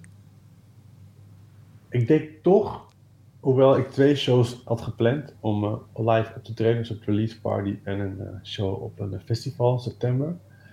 Ehm, ik denk, ik vind het draaien gewoon heel fijn. En de, de manier waarop ik dat kan doen, muziek zoeken, dat selecteren en dat aan mensen bieden. En dan, dat zorgt ook wel voor een soort van beschermlaag. Het is fucking persoonlijk natuurlijk om op te treden en live te zingen.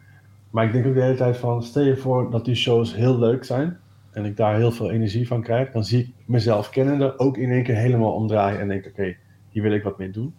Eh, ik heb vaak genoeg gefantaseerd over hoe zo'n live optreden precies eh, zou moeten zijn of Ja, maar zo. precies over die fantasie heb ik het nu, Elias. In, de fant- in, de- in gewoon in een, in een perfect world. Het lijkt me heel, waar ik vaak over nadenk is het samenspelen met andere muzikanten. Dus je produceert bij altijd in je eentje in de studio. Maar het idee dat ik zing of de akkoorden speel en dat daar een bassist live op reageert en een drummer meedoet of iemand die een elektrische drum speelt of whatever. Dat lijkt me, daar krijg ik gewoon al een kippenvel van. Als, en dat ook nog eens liedjes wat je zelf hebt gemaakt, maar dat het dan met die band samen uitgewerkt is en dan live op het podium gespeeld wordt. Dat lijkt me wel echt heel sick. En ik, ja, ik, ik heb mezelf nooit gezien als een, als een performer op die manier. Maar ik had ook nooit verwacht dat ik een DJ zou worden, dus wie weet. Ik, eh, het lijkt me heel vet om, om die liedjes dan uit te werken en met een band te spelen. Dus ja, als ik je vraag moet beantwoorden. Als een fantasiewereld is, zou ik denk ik wel leuk vinden om een keer echt een, een band te hebben en daarmee te toeren en zo. Maar dan moet ik ook weer meteen denken aan alle Maar wacht. Inladen, uitladen, de kabels die te- te- niet, niet kloppen. Neem je hef mee als opener. Ja, precies. De MC van de avond. Ja. Hey, als, je, als je even ehm, in datzelfde kussen blijft liggen met je hoofd. En jij, Mhm. je, je stelt je voor dat je twee, eh, twee hele aardige jongens eh, die een podcast maken over de vloer krijgt. En eh, je gaat ze even flink verwennen met, eh, met, de, met de Elias Mazian signature dish. Wat kook je dan voor ons? Zo. Ik ben echt een slechte kok, man. Elias, je wist dat hij ging slecht- komen. ben jij een slechte kok? Ik heb echt zo'n ideetje. Helemaal biologisch, eh, Ja, lekker, lekker- naar de nee. markt, verse producten. Het is een heel speciaal olijfolietje, weet je wel. Misschien wel die van Move, met die ge- met, van Mode Manager, met de, van die gerookte olijfjes of zo. Ik heb hier wel olijfolie van mijn opa uit Marokko. Zie je? Ik Ja, hier. het. Ja, ja, ja, dat wel. Maar, oh, op- Qua olijfolie ben ik wel echt legit. Maar ehm, een, een lekker gerecht, ja. Ik denk dat ik gewoon... eh, Mogen, Elias, even één stap terug hoor. Ma- Wil, wil je dit alsjeblieft gewoon, als, ze de, als je gaat draaien ergens, dat ze dan allemaal een bio vragen en dan gewoon alleen maar Elias Mazian met olijfolie. Ben ik echt legit. Heerlijke zin. I love it. Ja, toch? Ja, ik denk dat ik, als ik jullie zou uitnodigen, zou ik zorgen dat er een week tussen zit. Dan zou ik toch naar mijn moeder gaan, ondanks de hele quarantaine. Dan zou ik nog één keer vragen hoe je haar tagine het beste maakt. Want die Oh, goede tagine. jullie maken. Ja, ja, Die is wel echt heel lekker. Met, met, met, met eh, zo'n saus, met pruimen en, ehm en eh, pijnboompitten en eh, olijfjes. En dan heel lekker zacht lamsvlees. En- We kunnen ook gewoon bij je moeder gaan eten. Laten we gewoon bij je moeder gaan eten. Hoe, hoe laat is het? Kan ze, ver- kan- verwacht ze ons nog? Oh, zin Ja. Ja, zeker. En Dat, eh, Mi- dat- Mis je je ouders heel erg eh, in, de, in deze tijd? Is het iets, heb Ja, je veel zeker. contact met ze? Ik, eh, ja, die, zit, die woont in Amersfoort. En ik eh, merk dat ik gewoon in het begin heel para was met langsgaan. En, eh, maar ook para met dat zij dan bijvoorbeeld bij mijn oma langsgaan. Want die heeft best wel wat hulp nodig. En mijn moeder die gaat dan wel eens op bezoek. En dan dacht ik van, hoe kan je dat nou doen? Weet je wel, het hele idee van, ja, dan ben jij verantwoordelijk voor als er iets gebeurt. Weet je wel, kan je dan met jezelf leven? Dat soort gedachten ik. Ja. Maar hoe langer het duurt en hoe minder ik mijn handen was, eh, denk ik gewoon van, eh, ja, en ik, nog, en ik nog leef, dan denk ik van, ja, op een gegeven moment ga ik wel gewoon, eh, ik dacht, ik ga gewoon naar Amersfoort fietsen, dat is 2,5 uur of zo. Ja. En dan heb ik een goede workout en dan ga ik gewoon wel mensen bij ze in, bij ze in de tuin zitten. Want ja, ik miste wel, ik bedoel, dit is de heftigste situatie die ik ooit in mijn leven heb eh, gehad, weet je wel. En eh, dan eh, is het juist voor mij ook wel fijn om je familie een beetje dichtbij te hebben. En, maar ik bel wel elke dag. Ah, dat is fijn. Dat, Ja, ik had vano- vanochtend om tien uur mijn tweede eh, gestreamde online crematie. Met Oh, shit. eh, Gita, een vrouw die al 25 jaar vriendin van de familie. En ehm, ik hoorde vanochtend mijn moeder over haar praten. En eh, eh, ik zat in mijn eentje. Ik had, ik had wel netjes een zwart pak eh, aangetrokken. En eh, ik, ik zat in mijn eentje eh, aan mijn eh, eh, keukentafel te, te janken. eh, terwijl ik mijn moeder hoorde praten. En eh, ehm, ja, toen, toen eh, had ik, het ging ook natuurlijk door mijn hoofd. Wat als een van mijn eigen ouders nu eh, eh, echt ziek zou worden? En eh, die, die gedachte eh, eh, ja, brak me gewoon in tweeën vanochtend. Echt eh, eh. Ja, dat kan ik me heel goed voorstellen. Ik heb ook heel, een van mijn beste vrienden, die is zijn vader verloren aan, eh, aan corona. En eh, die, eh, dat was denk ik in de week drie of zo. En dat heeft, heeft me wel even op mijn, oh, heeft me wel echt even uit het veld geslagen. ja. Ehm, maar het gekke is, je, je wil gewoon die knuffel geven, weet je wel, aan je vriend. Maar ook eh, heb je meteen in je hoofd van, wacht even, hij, wat nou als er iets gebeurt met onze ouders? Die quarantaine zorgt ook voor een soort van afstand, waardoor je niet even nog bent langs geweest, weet je wel? Ja, maar, als, er- als er iets... maar juist dat niet knuffelen langs gaan. Want ik was Ja. vorige week bij mijn ouders in de tuin. Maar dat niet elkaar kunnen aanraken. Dat, dat maakt die ontmoeting des te bizarder of zo. Want, eh, ja, Ja. Dat, het is echt totaal conflicterende eh, gevoelens. En, en eh, mijn ouders zeiden vorige week ook eh, eh, met droge ogen van... eh, nou goed, we hebben ook een, een keuze gemaakt. En we hebben dat ook op papier gezet. Dat als wij ziek worden, dan willen we niet aan de beademing. Wij willen niet andere mensen tot last zijn. Wauw. Wauw. dat... dat ik, ik heb ook van meerdere andere mensen gehoord dat, dat ouders dat, die keuze hebben gemaakt. En dat is ook bij mij... heeft, Ja, maar dat, dat- die keuze heeft mijn moeder al jaren geleden gemaakt. Maar dat is logisch, weet je. Niet aan de beademing of, of niet gereanimeerd worden. Want hoe goed kom je daar weer uit, weet je. De kans dat je, dat je gewoon toch, niet, eh, toch niet helemaal lekker eruit komt... en een soort van zorg wordt voor de mensen om je heen... dat wil je ook niet, toch? Nee. Ja, maar als je het niet Nee. zeker weet, al bij voorbaat, dat is wel iets anders. Je. Je, weet- je weet het gewoon niet. Je weet, je weet niet hoe, hoe je eruit gaat komen. Dus ja, dan zou het ook nog kunnen zijn dat iemand er wel goed uitkomt. En dan, dan, dan loop je dat stukje leven nog mis. Wacht even, ik, ik, ik merk dat ik hetzelfde deed als twee weken geleden. Dat ik, ik kom weer met een depressieve noot. Ik zie, ik zie, ik zie, ik zie Justin, Justin al naar me kijken. Zo, Steve, hou je Nee, helemaal niet. Ja. Helemaal niet. Hey, maar Nee, nee. eh, eh, Elias, ik, begrijp het gewoon, weet je, dat, dat je zoiets doet. Ah, Want kijk nou Ja. naar die Nouri bijvoorbeeld. Die nu, eh, Ja. die, die ligt nog, ja, die is gewoon, ligt op bed. Ja, That's it, weet je. En, en, ze, en ik be- begrijp misschien dat je uit, uit een geloofsovertuiging zegt van, nou, we, we, we gaan dit gewoon zo Ja, laten. die ouders, Ja. dit, dit, is, dit is voor ons genoeg nu. Weet je, wij willen Ja. gewoon hem bij ons hebben. En, eh, ja. en wij zijn ook niet de, ja, de mensen die, die, die, die, die, die dat mogen beslissen volgens Nee, ons tuurlijk geloof. niet. Eh, Nee, nee, Nee. nee. En dat begrijp ik, dat begrijp ik. Maar straks zijn die ouders er niet en dan moeten die, moeten die broers het gaan oplossen, weet je. Ja, dan- precies. Maar ik, ik, wilde to- ik wilde toch even hier uitstappen en eh, Elias jou om een, eh, eh, in, deze, in dit gekke vacuüm vragen om een, een, een, een of een aantal hoogtepunten te beschrijven. Voor, voor, jou gewoon persoonlijk van de afgelopen jaren. Neem ons mee in de eufo- euforie. Oké, Ja. hoogtepunt. Ja. Ehm, nou, afgelopen, afgelopen, wat is het, november? Mhm. Ja, was een paar weken uit eh, en eh, ik was natuurlijk wel verdrietig. En toen draaide ik in Robert Johnson. En eh, dat was gewoon precies zoals ik hoopte dat het zou zijn. Gewoon de perfecte club. Vierkant, supergoed geluid, meteen druk. En op een gegeven moment had ik weer had het gevoel, dan heb ik dus dat, dat, dat, dat, dat gevoel dat verspreidt zich over meerdere momenten in mijn carrière. Als alles lokt, als alles in elkaar valt, Mhm. of strekt zichzelf kiezen, dat, dan heb je echt het gevoel alsof je gewoon, eh, alsof je gewoon even, alsof alles gewoon vanzelf gaat. En je op een soort van golf zit en die dan gewoon twee uur duurt en je daarna denkt, wauw, wat, wat gebeurde hier net? Alles Mhm. ging vanzelf. Elke plaat mixt zichzelf. Je, hoeft dat, je, je hebt als DJ momenten dat, je, dat dat gebeurt en dat gebeurt niet vaak. En dat is ook logisch, want daardoor blijft het ook bijzonder.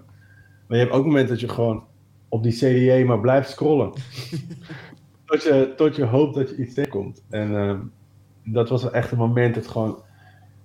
Dat ik gewoon dacht van, wauw, ik was gewoon zo blij met dat, dat ik... eh, het was ook, Job was er ook die avond. maar een paar vrienden waren mee. Ik was heel verdrietig, maar eh, binnen dat verdriet had ik ook gewoon zo'n... Was ik zo blij en opgelucht dat ik dit had. Dat, dat is op het moment dat ik me op mijn allerverdrietigst voelde, dat ik gewoon eh, dit werk kon doen en dat ik me daardoor ook niet, dat het daar, het daar geen last van had, van dat verdriet, maar dat het juist me hielp door dat verdriet heen. Zo? Dat vond ik echt een, ik ben zo blij dat dat, dat dat toen gebeurd is en dat heeft tot nu toe, en dat heeft zich doorgeontwikkeld tot deze tijd, ik heb het al eerder gezegd, die opluchting dat wat er ook gebeurt, en dat geldt dus wat ik al zei, voor tien jaar geleden ook niet goed in mijn vel zat, tot de break-up die er gebeurd is, die, die me heel verdrietig maakte, tot deze onzekere tijd. Wat er ook gebeurt, ik word gewoon elke dag wakker en haal gewoon zoveel geluk uit bezig zijn met, met liedjes en muziek. Dat zorgt gewoon voor zo'n geruststellend gevoel. Ehm, ja, en daar ben ik echt fucking dankbaar voor. Het is mooi dat, Ehm. dat want dat is, mensen gaan naar een club of, of het nachtleven in om, eh, om sores te, kwijt te raken of om er in ieder geval niet aan te denken. Maar het is mooi dat je dat dan, ook als je aan het werken bent in, eh, in Ja. nightlife, dus als je aan het DJ'en bent, dat je, dat je er toch eh, op een manier, op, op dezelfde manier eigenlijk van je problemen af kan Ja. komen. Voor eventjes Ik had het ook, die, die gig in, in Kiev eh, was, was tien voor twee. En eh, ik dacht, wat ga ik, waar ga ik mee afsluiten? En eh, de zon kwam zo door. Het was een oude bierfabriek. En in de zaal had je nog, eh, op het plafond van de zaal had je een hele grote cirkels waar vroeger enorme tonnen zaten. Die waren weggehaald. Daarboven had je allemaal ramen en daar kwam zonlicht doorheen. En ik was om acht uur opgestaan eh, in het hotel, ontbeten, naar die club gegaan. Job gekeken, begonnen met draaien. En eh, als, we, als we het over hoogtepunten hebben, het is ook een fijn gevoel als je een belangrijke gig, gig hebt of je bent zenuwachtig voor iets en je bent bezig en op een gegeven moment heb je ze. Dat gevoel, dat, dat herkent elke DJ wel, dat je weet, ik, zit nog, eh, ik heb nog een uur en ik heb ze nu gewoon. Ik eh, kan nu doen wat ik wil. En toen, op een gegeven moment was het het laatste nummer, toen sloot ik af met A Glue van Bicep, wat ik niet per se heel vaak draai, maar het was gewoon toen de perfecte track. En ja, ik ben echt denk ik een paar, paar seconden opgestegen gewoon. Omdat gewoon iedereen een soort van, ehm, gewoon precies wist wat de situatie was. Het klinkt heel vaag, maar soms is het echt bijzonder dat een dansvloer allemaal op hetzelfde moment hetzelfde denkt. Hetzelfde voelt. En het klinkt echt als een super zweverig verhaal, maar dat, dat was gewoon toen zo. We waren toen allemaal van, oké, de komende vier minuten zitten we precies op dezelfde frequentie. En eh, ik keek Job ook aan en die zat echt met zo'n mind-blowing gezicht van, wow, dit is echt een, dit is echt een heel sick moment.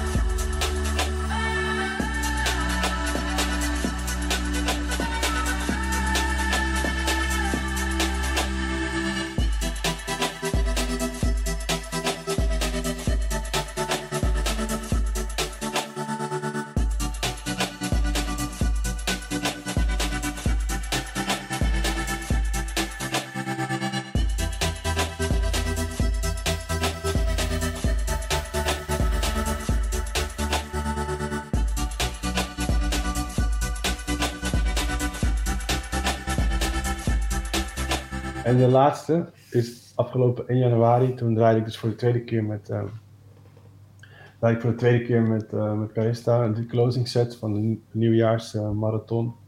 en eh, ook weer opgestaan in de school. Om vijf uur daar naartoe. Beginnen, heel rustig beginnen, opgebouwd.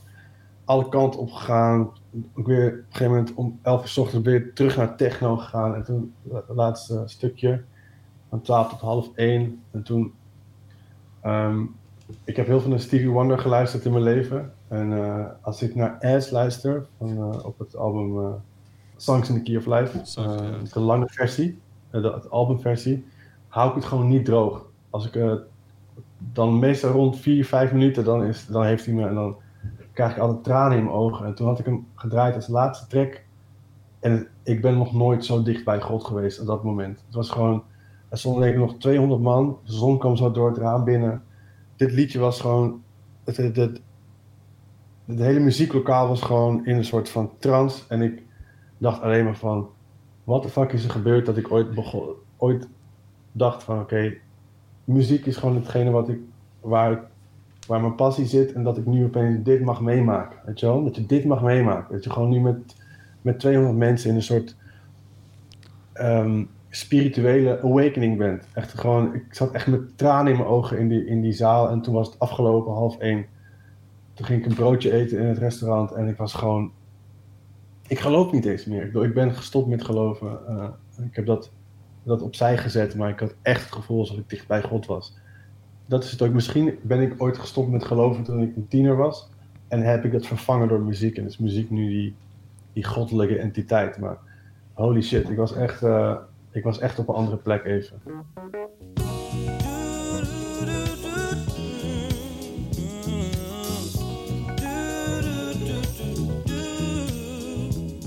The the revolving. And the know to bloom in early May. Just as hate knows love's the cure, you can rest your mind assured that I'll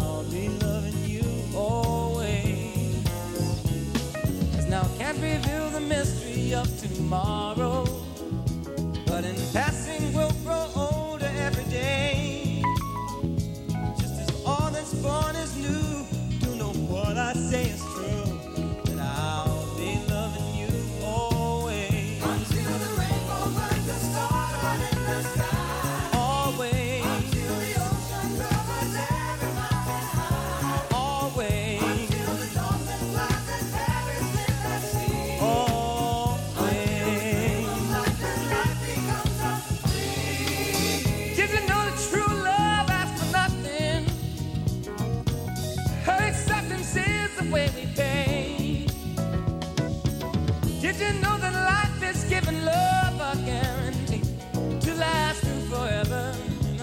another day?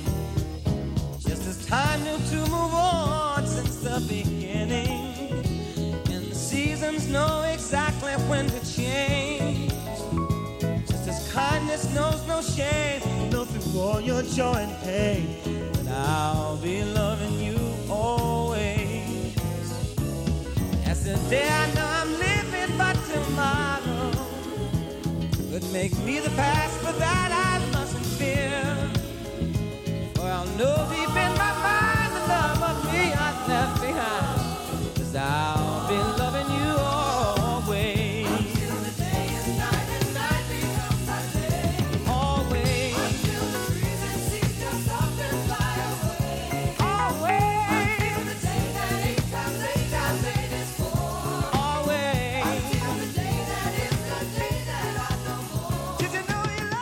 Ja, de club is toch onze, onze hedendaagse tempel. Hè? En, en, eh, en, en uit- Ik, ik hoop dat wat ik zei dat het niet cheesy klinkt, maar het is echt hoe ik het toen heb ervaren. Of zo. Ja. Ik denk dat iedereen die, die regelmatig in een club komt. Tenminste, ik gun iedereen die regelmatig in de, in de club komt, zo'n moment. Want we, ik, ja, ik, kan wel, ik kan me ook wel een paar van dat soort me- momenten Ja, herinneren. en, en, en dat is ook eigenlijk waar, toch eh, zonder, eh, of je het nou weet of niet, dit is precies waarom je, ook al regent het, ook al stormt het, eh, naar buiten gaat. eh, in de hoop. Ja. Want het, het, het is, het is ook heel vaak gewoon prima of, of, of wat minder. Maar je, je hoopt toch op deze momenten. En, eh, en die zijn spaarzaam, maar wel precies waarom eh, eh, iedere keten in, in dat nachtleven het doet. Ja, man. Je Ja. hebt gewoon je hele rug van kippenvel. En dat je denkt, Ja, daarom doe ik dit. ja man. Daarom.